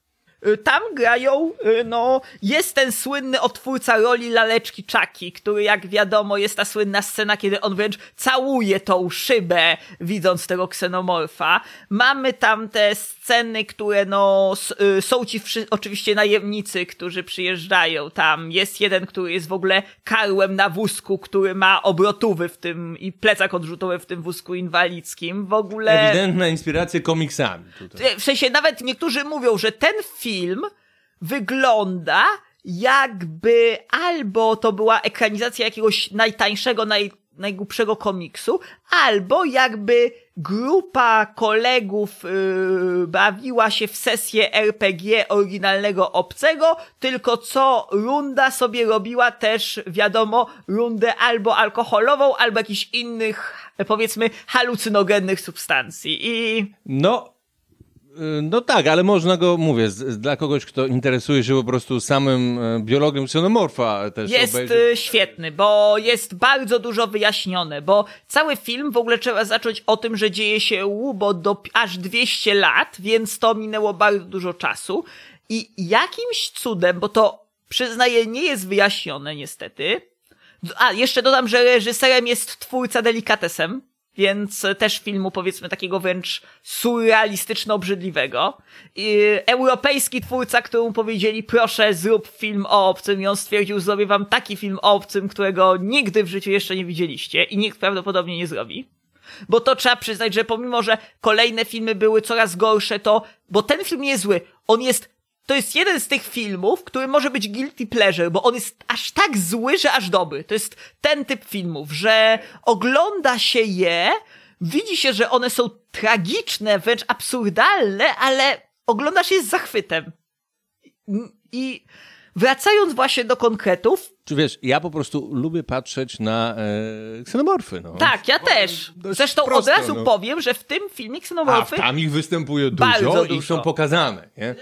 Chociaż, tak jak mówię, bardzo doceniam tajemniczy klimat pierwszej i trzeciej części, kiedy ich jest mało. I jeśli miałbym wybrać najlepszy, no to pierwsza i trójka. Pierwsza i trójka jest taka, powiedzmy, najlepsza w tym ujęciu. Chociaż oczywiście z punktu widzenia ksenomorfów, no dwójka, bo tam ta eusocjalność jest pokazana i tak I dalej. ten film czwarty wyjaśnia dosyć dużo, bo w ogóle zacznijmy od tego, że w tym filmie pojawia się wątek, że ta korporacja jakimś cudem pozyskała DNA Ripley zmieszane z DNA ksenomorfa. To nie jest powiedziane do końca jak. W każdym razie Znaczy, albo inaczej, ja rozumiem, że ponieważ ona już miała zmieszane, nie wiem jak, w każdym razie chodzi o to, że ona przecież, ponieważ rósł, rosła w niej ta królowa, no to przecież już wiemy, że mm, DNA y, gospodarza miesza No tak, ciele, więc, w jakimś sposób, w każdym razie udało im się pozyskać. Nie jest do końca powiedziane jak, w każdym razie udało im się pozyskać. I zaczynamy od klona numer 8, o czym zaraz dojdziemy, dlaczego to jest klon numer 8, bo tutaj to powiem, że Żyżek się, w ogóle film, y, na pewno ludzie, którzy interesują się filozofią znają Sławoja Żyżka. I Żyżek akurat y, rozpływał się zarówno nad trzecią częścią, jak i nad właśnie czwartą częścią, no bo wiadomo, on jest komunistą i on tłumaczy, dlaczego te filmy są takie marksistowskie i tak dalej. Dlaczego są takie, y, mówią o tej klasowości. Okej, tego wątku nie znałem. Nie wiedziałeś, że nie, Żyżek... Nie, y, no, to jego kojarzę, natomiast nie znałem... bardzo, szczególnie właśnie czwarta część. On y, tam tłumaczył bardzo dużo, ponieważ y, to jest też film, który jeszcze zanim zaczniemy bezpośrednio fabułę, y, trochę łączy się z łowcą androidów. Dlaczego? Bo w pierwszym filmie mieliśmy androida Asha, w drugim mieliśmy Bishopa, w trzecim, no wiadomo, nie mieliśmy żadnego. Natomiast właśnie w tym filmie mamy androida Cole, który jest y, kobietą, w sensie jest zbudowany, ma, y, wygląda jak kobieta, syntetyk. I tam jest bardzo wyraźny motyw tego, że jest jakaś rewolucja androidów, które y, chcą po prostu być wolne. I ten, y, ta Cole mówi, że właśnie ona należy do tego zgromadzenia wolnych syntetyków i że one właśnie próbują się też uwolnić i to też jest trochę tam związane z tym obcym, że... Tak jest, bardzo cyberpunkowy wątek. Tak, który często jest I pomijany jeszcze dodatkowo, że ludzkość jest ukazana jako dość podła. I ich motywy, i przyznam, no tak jak mamy po prostu e, w łowce androidów, że w pewnym momencie nie wiesz, e, no oczywiście to zależy od człowieka, ale nie wiesz komu bardziej kibicować, bo pod koniec no, te androidy od ludzkiej strony się ukazują, prawda? Że Wbrew pozorom bardziej ludzkie bardziej... niż ludzie. No Dokładnie. właśnie. I w czwórce powiem, mm, tutaj nie wstydząc się, że ja w pewnym momencie kibicuję y, ksenomorfom. Jako pasoży- parazytoidy, które bardzo lubię. które tak naprawdę właśnie w pewnym sensie, no, mo, powiem tak, je można zrozumieć, bo one po prostu, jakby, to są istoty, które, nie oszukujmy się, no, nie są zdolne do refleksji. To są po prostu super rozwinięte parazytoidy. Znaczy, wiesz, czy one nie mają takiej swojej refleksji, to tego nie wiadomo, bo królowa akurat właśnie w dwójce i czwórce jest pokazana dość w takich emocjonalnych scenach, nie? I- Ale po raz kolejny, natomiast nie wiemy tak na... Właśnie zakładamy te, cały czas, że są to po prostu zwierzęta bardzo inteligentne, po prostu co by było, gdyby taka osa Znaczy, wiesz, ich szmaragdowa... strategią jest po prostu w, e, wysublimowane e, pasożytnictwo i drapieżnictwo. Także po prostu no, one mają biologię do tego dostosowaną. Natomiast Dokładnie. Czy w ich, mm, czy, ponieważ są istotami zaawansowanymi społecznie, więc muszą mieć interakcje społeczne, czy w nich, e, czy pomiędzy w ich zachowaniu nie ma E, właśnie, zaraz do tego dojdę. Nie ma, coś sobie przypomniałem, nie ma e, po prostu empatii i emocji, no to tego trudno powiedzieć. A przecież jest scena, jak one Właśnie są zaraz, zamknięte. właśnie zaraz do niej przejdę. No właśnie, no właśnie. Ponieważ zacznijmy od tego, że tak jak wspomniałem tylko o tej call, bo ch- chciałem po prostu już na początku powiedzieć o rzeczach niezwiązanych z ksenomorfami, że ten wątek tej call y, też jest ważny, że właśnie ona przyjechała też po to, żeby wyzwolić to replay, bo androidy też potrzeb- chcą wolności. I je, kiedy przychodzi na świat ta nowa Ripley, to ona jest, już nie jest do końca człowiekiem w naszym rozumieniu tego słowa. Dlaczego? Bo ma w sobie bardzo dużo cech, ponieważ to, mimo że oczywiście te cechy ksenomorfa, no, pobrały Ukryte trochę, są troszeczkę, to tak. jednak y, u niej w tym klonie bardzo dużo ich jest na zewnątrz, że udaje im się tą królową najpierw wyjąć z tej Ripley i natomiast sama Ripley też ma dużo takich cech, no chociażby też ma kwaśną krew. Tak, Podkreślam, czerwoną. Nie taką, y, bo ona nie jest aż tak kwaśna jak krew ksenomorfa, bo tam jest pokazane, że na przykład krew ksenomorfa coś zrobiłaby pstryknięciem palca rozpuściła, a jej to widać, że to musi się stopić przez jakiś czas, więc ona nie Ma- jest tak, mocna. Poza tym ma większą siłę e, i ma więź e, psychologiczną z ksenomorfami. ksenomorfami i nawet właśnie i tutaj jest tak, właśnie tu zaraz dojdziemy do tej kwestii, czy ksenomorfy są moralne, ponieważ, No wiesz, moralność może być różna. ale nie, mam na myśli, czy Czy mają jakikolwiek kodeks? kodeks, czy y, są, y, powiem tak, no bo mamy też właśnie wracając do ludzi antropocentryzm i mamy wielu ludzi, którzy na przykład krzywdzenia zwierząt nie uważają za krzywdę. Ponieważ uważają, że krzywdę można zrobić człowiekowi, więc właśnie zaraz dojdziemy, czy być może tak myślą też ksenomorfy. Dlaczego? Ponieważ proszę zauważyć, co moim zdaniem jest bardzo, bardzo istotne, że ksenomorfy zaczyna się od tego, że wiadomo, ta królowa przychodzi na świat i proszę zauważyć, oni potrzebują żywicieli dla tych ksenomorfów, więc co robią? Porywają ludzi, o ironio, Dokładnie tak jak ksenomorfy, tylko w sensie, że tak jak królowa nie ma żadnych przeciwwskazań, żeby robotnicy jej po prostu przynosiły gospodarze, tak samo Dokładnie. przywódca tego statku. I jeszcze zauważ, że oni porywają ludzi dokładnie z takiej samej misji, z jak, jaka była w pierwszej części obcego, ponieważ byli to ludzie, którzy też po prostu przewozili kosmiczną rafinerię i oni ich umieścili dosłownie nad tymi jajami, żeby mogły się z nich wykluć ksenomorfy. I ich na początku tam jest powiedziane, że oni w sumie porwali chyba trzy załogi, tak, że w, czy dwie, bo już teraz nie pamiętam, i w sumie mieli 12 osobników. E, powiedzmy, że zamkniętych w tych klatkach, które były przystosowane. I widzimy tam właśnie tą scenę, jak ten szalony naukowiec całuje tego ksenomorfa i kiedy ten ksenomorf zachowuje się agresywnie, to naciska guzik i pryska go ciekłym azotem. No, prymitywne warunkowanie behawioralne. Tak, i właśnie widzi, że kiedy znowu to robi, to ksenomorf już patrzy się, czyli właśnie, no wiadomo, ksenomorf nie ma oczu, ale zwraca głowę w stosunku do tego guzika i znowu patrzy na niego. I wtedy się ten naukowiec uśmiecha, bo dochodzi do niego, że można te istoty tresować. Czyli, że te istoty yy, potrafią się uczyć i wyciągać wnioski. I zaraz dojdziemy, Co oczywiście widzący wcześniejsze części powinien skontestować, że to jest początek jego problemów. Dokładnie. Właśnie. I zaczyna się w ogóle od tego, że ci najemnicy przyjeżdżają, w ogóle poznają Ripley, która w ogóle pokazuje, że tam jed, y, super gra w kosza, no dlatego, bo jest super sprawna, ma super zmysły, no właśnie jest częściowo ksenomorfem. I zaczyna się oczywiście od tego, że oni niby przy, y, ci najemnicy przywieźli im tych ludzi, ale zaraz tam dochodzi do konfliktu, wyjmują broń i okazuje się, że tak naprawdę to nie chodziło nawet o broń, tylko rzeczywiście oni są z jakiejś frakcji rewolucyjnej, która walczy z tą korporacją. No i wiadomo, zaczynają się zgrzyty.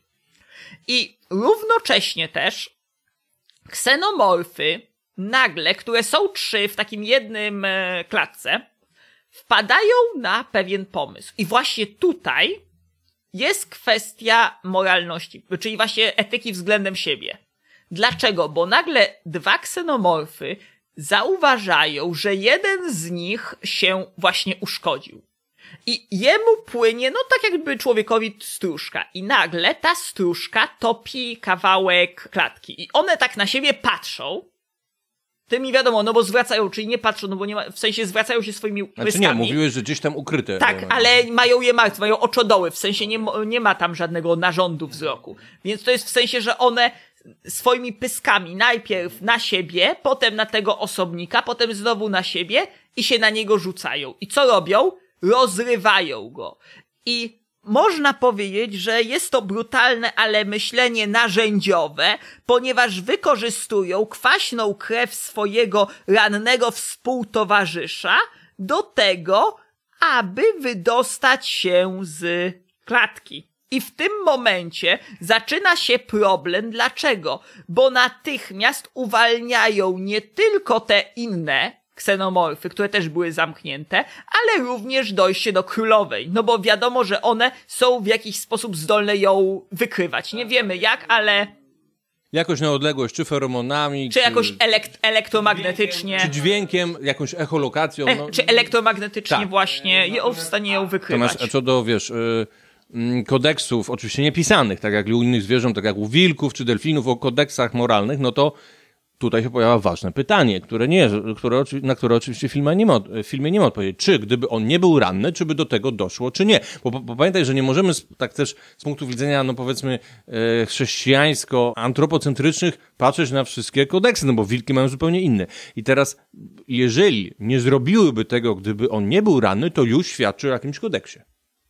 Właśnie nie wiemy. Wiemy w każdym razie, że za... wpadły na to, że jeżeli kwas, że kwas może je wydostać. Tego też nie ma wprost. Czy wtedy to wymyśliły, czy wiedziały, że może tak być, tylko że po prostu zauważyły, że on krawi, czyli mogą to zrobić.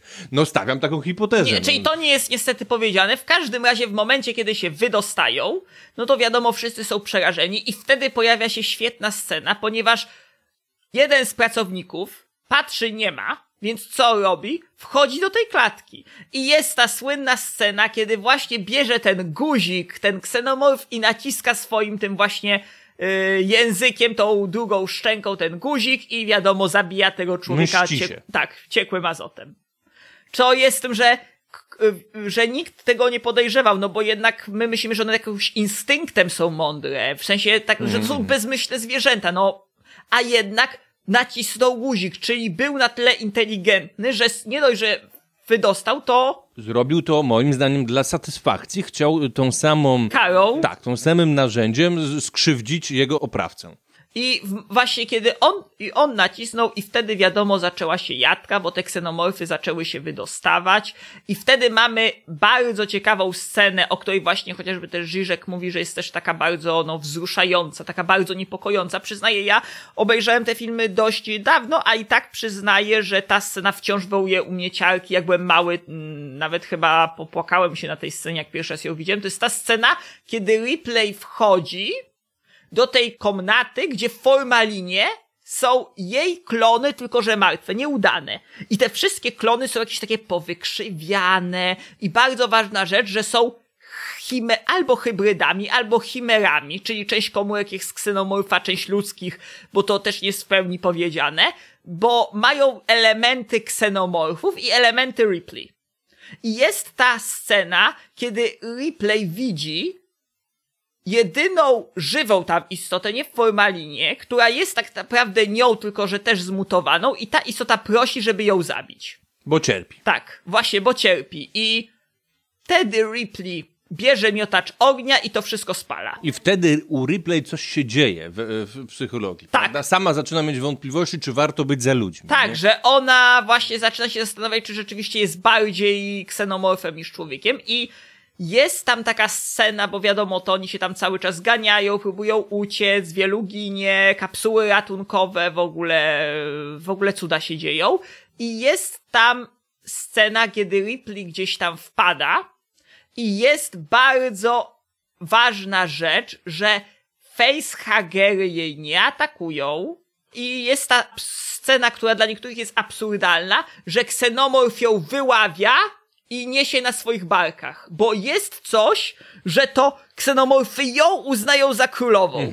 No bo w jej przecież y, genomie jest też genom królowej, no to jest logiczne. Więc traktują ją, y, widzą ją jako swoją. I to jest też ważne, że w momencie, kiedy wyławia ją ten ksenomorf, kiedy ona się właśnie dusi, tam spada i on bierze ją na ramię i przenosi, co y, dla niektórych jest absurdalną sceną, która dla mnie nie jest absurdalna, jeżeli właśnie zważywszy na to, że one ją traktują jako swoją, że on jej uratował życie, czyli to oznacza, że on ją traktował jako bardziej swoją niż ludzką, no bo y, normalnie pozwoliłby na to, aby ją, wiadomo, w- twarzoła by zainfekował, a tutaj tego nie było. I teraz wracamy w drugą stronę, ponieważ trzeba pamiętać, że oni na tej królowej cały czas eksperymentowali. I ta królowa po jakimś czasie, zamiast ooteki i wytwarzania jaj, wytworzyła coś w rodzaju macicy. Tak, no stała się żyworodna. I powiem szczerze, że dla mnie tu jest troszeczkę już taki kosmos, nie? Że ja już w takim klasycznym cyklu życiowym ksenomorfa to raczej nie biorę to pod uwagę, nie? Tak, bo jest to surrealistyczne, ponieważ podkreślam, mi się wydaje, że tego już w ogóle czwarty film to pokazuje ich zdolności, ale tu jest właśnie poważny problem, bo ponieważ one były z tej Ripley i tak dalej, to nie wiemy, jak dużo ksenomorfa jest w Ripley, a jak dużo Ripley jest w ksenomorfie. I to jest bardzo ważne, ponieważ w momencie, kiedy ona rodzi, to wychodzi bardzo dziwny stwór, który dla niektórych jest przerażający, ale dla mnie on był słodki. Y, on ma nazwę newborn, czyli nowonarodzony, on nie ma żadnej innej nazwy. I to stworzenie, kiedy się wykluwa, proszę zauważyć, że ma oczy, ma ludzką skórę, ma inaczej zrośniętą w ogóle głowę. Nie ma tego falicznego, tylko bardziej coś, co przypomina taki garb, ale jednak zrośnięty z szyją. Mimo tej dziwnej budowy czaszki, to jednak ma tam elementy, ma zęby i ważna rzecz, ma ludzki język.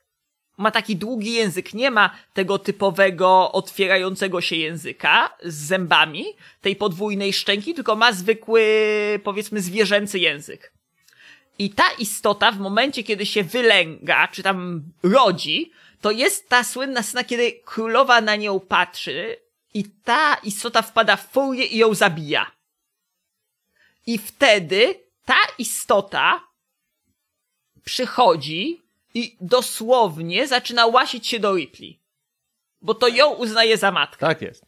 Ku radości tego naukowca, który został tym azotem potraktowany, który okazuje się, że żyje. Tak, bo żyje, ponieważ e, okazało się, że on został e, przyczepiony i tam właśnie on w ogóle wykrzykuje, że teraz ona jest perfekcyjna, w ogóle z zachwytem. Mm, Tak, nie jest specjalnie swoim przyszłym losem Przerażony. przerażony tak. Może nawet zadowolony. Nawet zadowolony, przecież pamiętajmy, że w ogóle on na końcu kończy w taki sposób, że jeden z tych robotników y, przecież przeżył i cały czas był z nimi i ksenomorf zaczął się wylęgiwać w nim już na kapsule ratunkowej i on złapał tego naukowca za głowę i mu wbił, ten ksenomorf wylęgając mu się z brzucha, przebił go na wylot. Jest ta słynna też scena, która pokazuje wręcz w gardle, co się dzieje w ciele tego robotnika.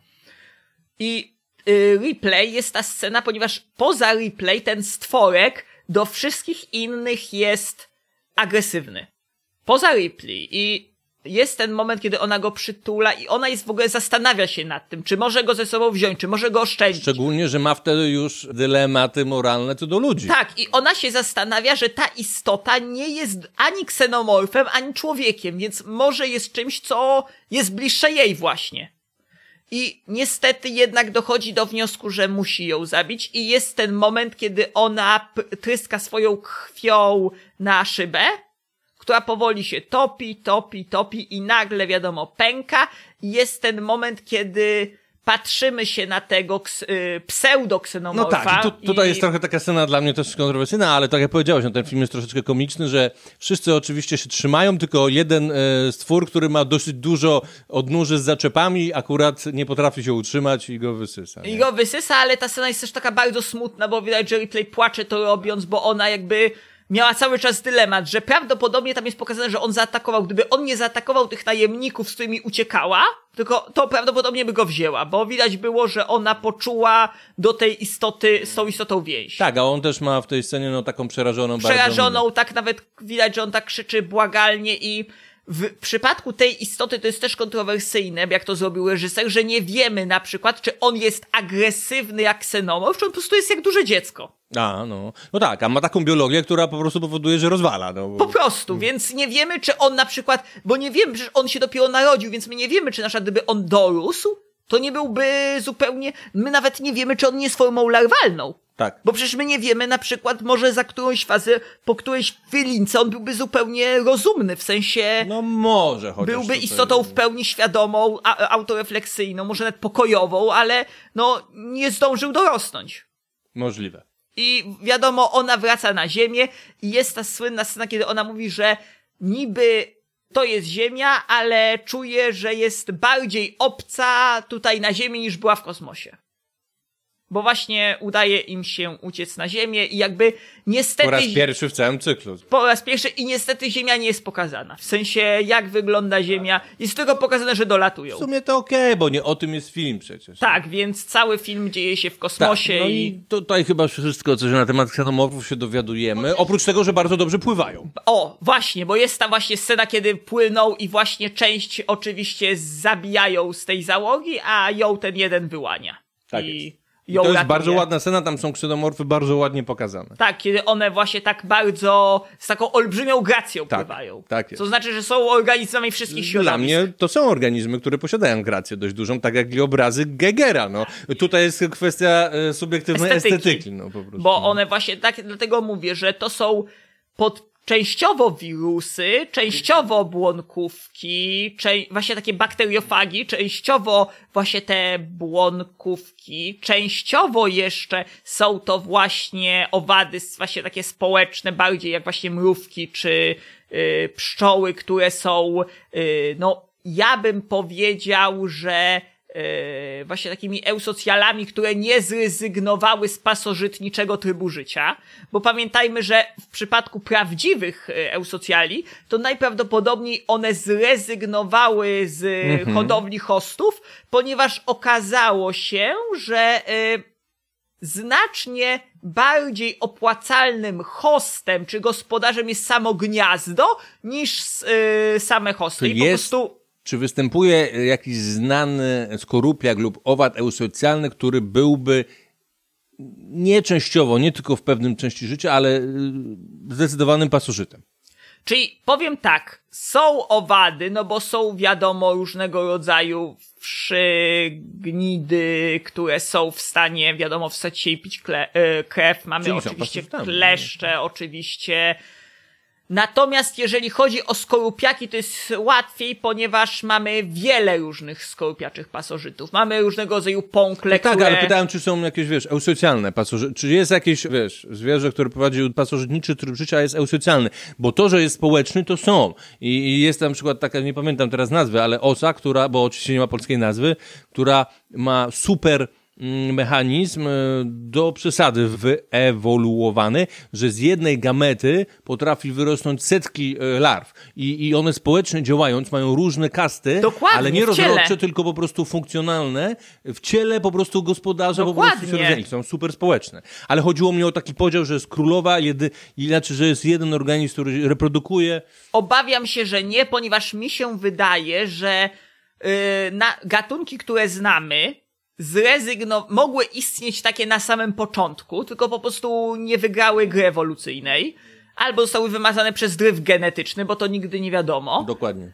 O, musimy o tym kiedyś porozmawiać. Że, bo to też zawsze nigdy nie wiadomo, czy to było przystosowawcze, czy nie, tylko po Dokładnie, prostu zostało, dokładnie. zniknęło, bo Zwyk, zwykłym losowym trafem. Dokładnie, bo można powiedzieć me- metaforycznie trochę, że te owady społeczne, które obecnie znamy, po prostu zastąpiły żywicieli technologią. Po prostu doszły do wniosku, że budując gniazda i organizując życie społeczne, czyli no stosując różnego rodzaju technologie, produkcji pożywienia, trofalaksji, po prostu lepiej się opiekują larwami niż kiedy te larwy są w żywicielu, że to jest lepsze, że lepsze jest po prostu e, jednak pozaustrojowo taka hodowla in vitro swoich e, dzieci technologiczna niż e, przez swoich gospodarzy. I prawdopodobnie po prostu ta rzecz została wyselekcjonowana i przetrwała albo po prostu te, które miały taki właśnie cykl jak ksenomorfy, czyli pozostały przy tym, że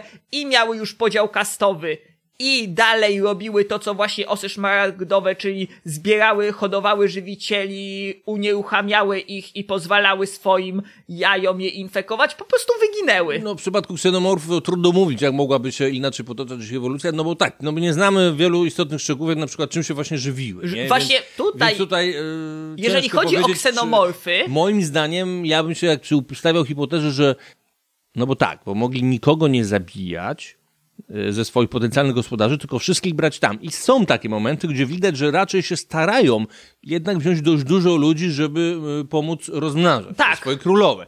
Natomiast no, są też takie momenty, no, kiedy ewidentnie czerpią satysfakcję z zabijania. Nie? Tak. I e, te efekty właśnie czerpania głównie widać w tej czwartej części i tutaj się skończyło, bo później mamy oczywiście dwa filmy, Obcy kontra Predator 1 i Obcy kontra Predator 2. I od razu powiem, że chociaż Obcy kontra Predator 2 to jest, tak powiedziałem, ta zabijanka, gdzie pojawia się ten słynny Predalien, czyli ten ksenomorf o cechach Predatora, ta część jakby Obcy kontra Predator, od razu przyjrzyjmy się, że jakby to nie jest, to jest świat znacznie o ironię bliższy uniwersum Predatora niż uniwersum Obcego. Dlaczego? Bo jak łatwo zauważyć, świat Obcego to jest daleka przyszłość, to jest rok 2100 ileś.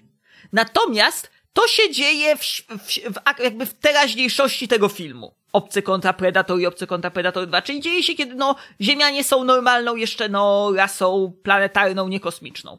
Kiedy jeszcze nie, wysz, nie weszli w fazę podboju kosmosu, kiedy wciąż są zwykłym jednym z ziemskich gatunków. Nie da się ukryć, że no, motywacją do zrobienia tego filmu jest no, po prostu sensacja, tak? Po prostu I- połączenie dwóch potworów, których lu- ludzie lubili. I tam w ogóle ten świat się staje jeszcze bardziej absurdalny, ponieważ okazuje się, że w ogóle predatorzy stworzyli cywilizację w Ameryce Południowej po to, aby ludzie dobrowolnie składać w ofierze, żeby właśnie w tych in, tych Majach, Aztekach i Inkach rozwijały się ksenomorfy, na których oni polowali. Okej, ale czy, czy są jakieś ciekawostki z ich cyklu życiowego, z ich biologii? Powiem szczerze, nie, poza tym, że w tym uniwersum jest wyjaśnione, że polowanie na ksenomorfy jest dla predatorów ważnym z kolei rytuałem. Nie, nie, mi chodziło o biologię ksenomorfów. O samych ksenomorfach powiem szczerze nie, bo jest tylko wspomniane to, yy, co my dos- już wiemy, tylko zostało poszerzone, że wiadomo, że absorbują DNA i florę bakteryjną, że są dosyć inteligentne, że są eusocjalne, że budują gniazda, że mają bardzo dużo, wiadomo, siłę i wytrzymałość, że mają kwaśną krew, że głównie y, jest pokazane, że tam co jakiś czas chyba komuś coś odgryzają, więc można założyć, że po prostu może to jest właśnie to, że się żywią po prostu i nie było to dotychczas jakoś wyraźnie pokazane. I generalnie w tych filmach y, głównie chodziło o przypomnienie tych dwóch marek i ich ze sobą zetknięcie. Natomiast, no poza tym, że ewentualnie to, co wspominałem na samym początku jeszcze wywiadu, że Predato Alien jest w stanie zainfekować kobietę za pomocą swoich gamet. Okej, ma jakieś nasienie. Bo Predalien jest... y, Ma biologię predatora, tak? tak, y, i trudno powiedzieć, jak Predalien się, y, czyli Predalien bym powiedział, że najbardziej robi coś najbardziej podobnego do tych na, z najlepiej nam znanych parazytoidów, bo on, y, tak jak już wspominałem na samym początku, on bezpośrednio łapie i infekuje ofiarę, czyli on nie zostawia jaj, tylko on bezpośrednio jaja Rozumiem, wtłacza w wpuszcza, ofiarę. wpuszcza. No ciekawe. Czyli bardzo. dokładnie robi to, co robią nasze parazytoidy właśnie yy, yy, no, typowe osy parazytoidalne. No jest oczywiście jeszcze mm, seria y, Prometeuszy, które wyjaśniają jak powstały, czy jak mogły powstać, Mogły powstać. jak mogły powstać raczej ksenomorfy, ale to może umówimy sobie w którymś z kolejnych odcinków, no bo one już wykraczają poza cykl tak, życiowy. Prometeusz i Alien Covenant, czyli Obcy Przymierze, to są filmy, które są o tyle dziwne, że one bardzo ten świat komplikują, bo właśnie one skupiają się na inżynier i od razu powiem, że w, zarówno w jednym, jak i w drugim filmie te ksenomorfy są mało ważne, ponieważ tak naprawdę ważniejsza jest relacja inżynierowie, Oczywiście. ludzie, androidy. No tak, ale dowiadujemy się coś pomie- relacji inżynierów i ksenomorfów i to możemy sobie kiedyś omówić w Tak, kolejnym ponieważ odcinku. to jest właśnie bardziej skomplikowane, ponieważ tu jeszcze dodam na koniec, że tak jak w tych poprzednich filmach, ksenomorfy były po prostu zwierzętami bardzo oczywiście silnymi, inteligentnymi i tak dalej, ale nikt za bardzo nie wiedział czym są. Był taki jakby wszyscy przyjmowaliśmy a priori, nawet w Obcy kontra Predator, że żyje po prostu rasa kosmicznych parazytoidów, y, eusocjalnych parazytoidów, które są świetnie dostosowane do życia we wszystkich warunkach. I te filmy, czyli Obcy i Alien Covenant, dosyć to komplikują, ponieważ one próbując wyjaśnić to, pokazują, że o ironio, te filmy są o wiele bardziej kreacjonistyczne Tak. niż ewolucjonistyczne, bo zakładają, że obcy, tu od razu spoileruję, nie powstał naturalnie, bo wcześniej mogliśmy zauważyć, że jest to istniejąca od milionów czy miliardów lat forma życia, która po Ale prostu... naturalnie podejrzewamy, że musiała wyewoluować, no bo wszystko we wszechświecie wyewoluowało. no Tak, i te jaja zakładamy, że natomiast tu okazuje się, że prawdopodobnie nie i że był to po prostu inteligentny projekt. Jasne. Więc, no tak, ale nie, nie jakiś taki totalnie enigmatyczny, tylko wykorzystujący konkretną inżynierię, to może kiedyś o tym sobie porozmawiamy, no bo to wykracza poza trzech życiowych xenomorfa, ale w, podsumowaniu e, chciałem jakąś taką mm, wizję zaproponować, że no bo to jest bardzo fajne, tak, że e, inspirujemy się biologią, tym bardziej pasożytami lub parazytoidami, owadami i tworzymy jakieś postacie, e, które mogłyby jak najbardziej przecież istnieć. Znaczy, możemy sobie wyobrazić taki scenariusz, bardzo odległy co prawda od naszego aktualnego, ale jednak, w którym mogą wyewoluować, no bo korzystanie z metalu i ewentualnie jakoś jego mm, włączenie, prawda, do ciała jest do wyobrażenia, tak? Są organizmy, na przykład ślimaki, które potrafią rudy magnetydu mieć w swoich skorupach. Tak samo e, żrące e, części ciała, no to bez problemu jady różnego rodzaju. Do jednych z najbardziej e, trucizn znanych ludzkości należą między innymi trucizny naturalne, które występują na przykład w liściołazie, czyli w płazie takim Oczywiście. bardzo niewielka ilość jest potrzebna, żeby zabić człowieka. A jeżeli chodzi o, powiem, yy, śluz, no to wystarczy pomyśleć o śluzicach, które potrafią wręcz strzelać swoim śluzem. Albo, albo jeżeli chodzi o kwas, no to pamiętajmy. Termity rozwalające się, samobójcze. My, a my jeszcze więcej, my myślimy, no my mamy dość przeciętne żołądki, a proszę pomyśleć o żołądku padlinożerców. Jak one muszą mieć żyjące środowisko w swoim żołądku. Okej, no tak, więc kwestia wyewoluowania, żeby używać tego kwaśnego środowiska do atakowania wroga, no nie jest czymś, co nie możemy sobie Jeszcze wyobrazić. jedna, jedna kontrowersja, która niektórych badaczy, bo kiedyś nawet czytałem artykuł w Fokusie yy, dziwi, to czy możliwe jest, aby paracytoid mógł zainfekować istoty tak daleko z nim spokrewnione. W sensie, ta, yy, w sensie pochodzące technicznie z innego świata. Czy na przykład to, to jest tylko niemożliwe. No tak, bo co innego pasożyt gdzieś tam, no przecież nas infekuje mucha i tak dalej, nie? No. To jest bardzo odległe, ale okej, bo chodzi konkretnie o endoparazytoida żyjący wewnątrz organizmu, tak? Tak. I czy, y, bo są, no, technicznie w naszych ciałach też wiesz, larwy much się mogą rozwijać, No właśnie, więc no właśnie. tylko no tak, ale to nie są paz- parazytoidy, ale które... jednak wszyscy pochodzimy od luka, a po prostu nie wiadomo, czy istota z innego świata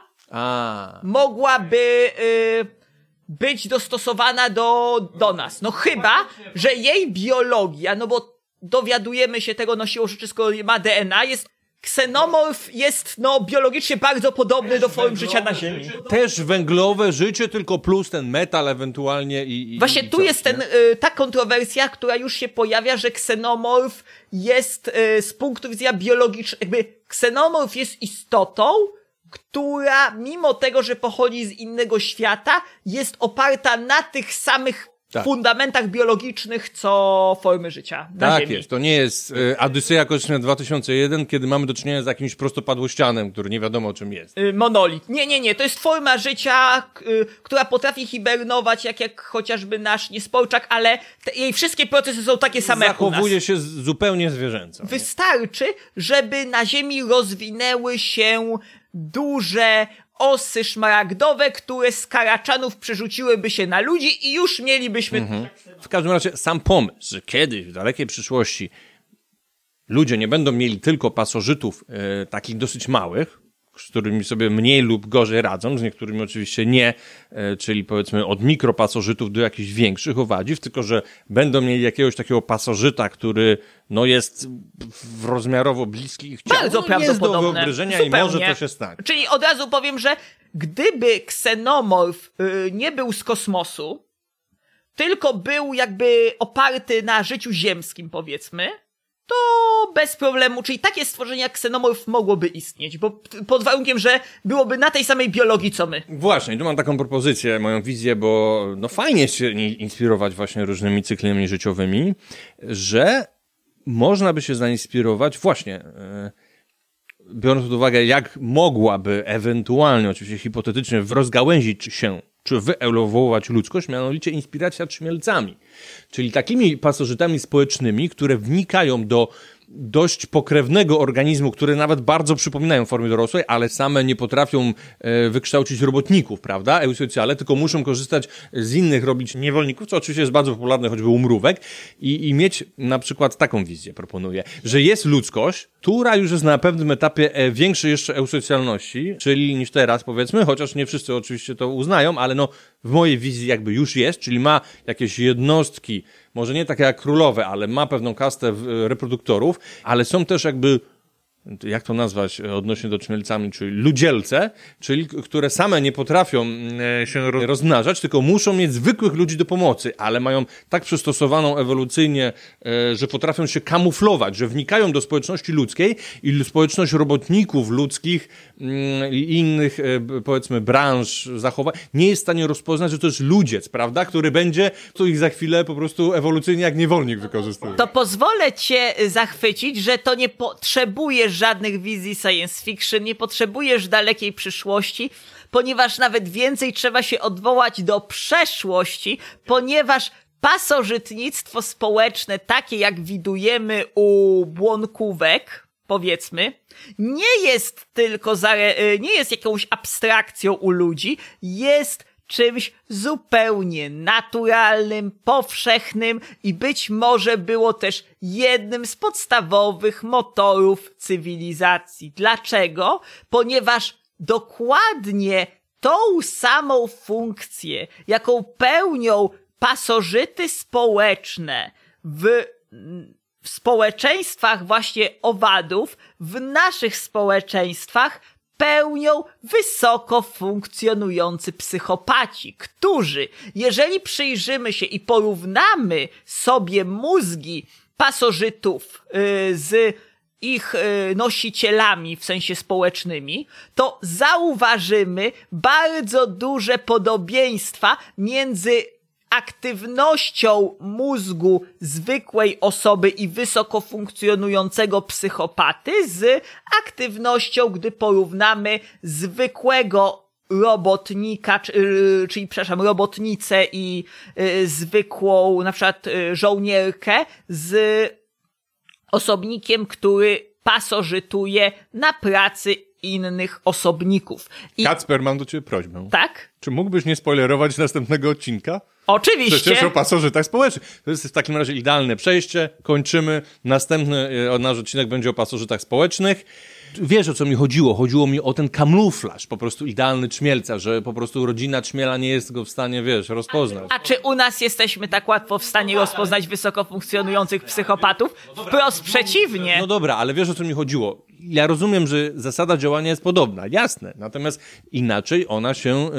Yy... Więcej ci powiem, zaskoczę cię, że u bardzo wielu e, mrówek, e, czy e, nie tylko, bo właśnie też i os, bardzo często zdarza się, że, czy nawet u pszczół, że osobnik pasożytniczy tak naprawdę wyewoluował z gatunku, na którym Oczywiście. pasożytuje. No trzmielce są przecież tak właśnie powstały. Są pochodnymi trzmieli. Dokładnie, no dlatego o tym powiedziałem. I dlatego o tym będziemy mówili w następnym odcinku, e, czyli dla nas za chwilę, a dla Państwa kiedyś tam, w zależności od tego, e, kiedy Państwo słuchają, a w międzyczasie chyba zamówimy sobie pizzę, nie? Może być nie dobry wiem, czy pomysł. wegetariańską, czy nie, po tych ksenomorfach, no w każdym razie dziękujemy bardzo za słuchanie i życzymy zdrowia, wszystkiego dobrego, a słyszymy się w następnym odcinku. Kłaniam się. Do zobaczenia. A jeżeli się podobało, to zawsze możesz rzucić groszem na Patronite. Do usłyszenia.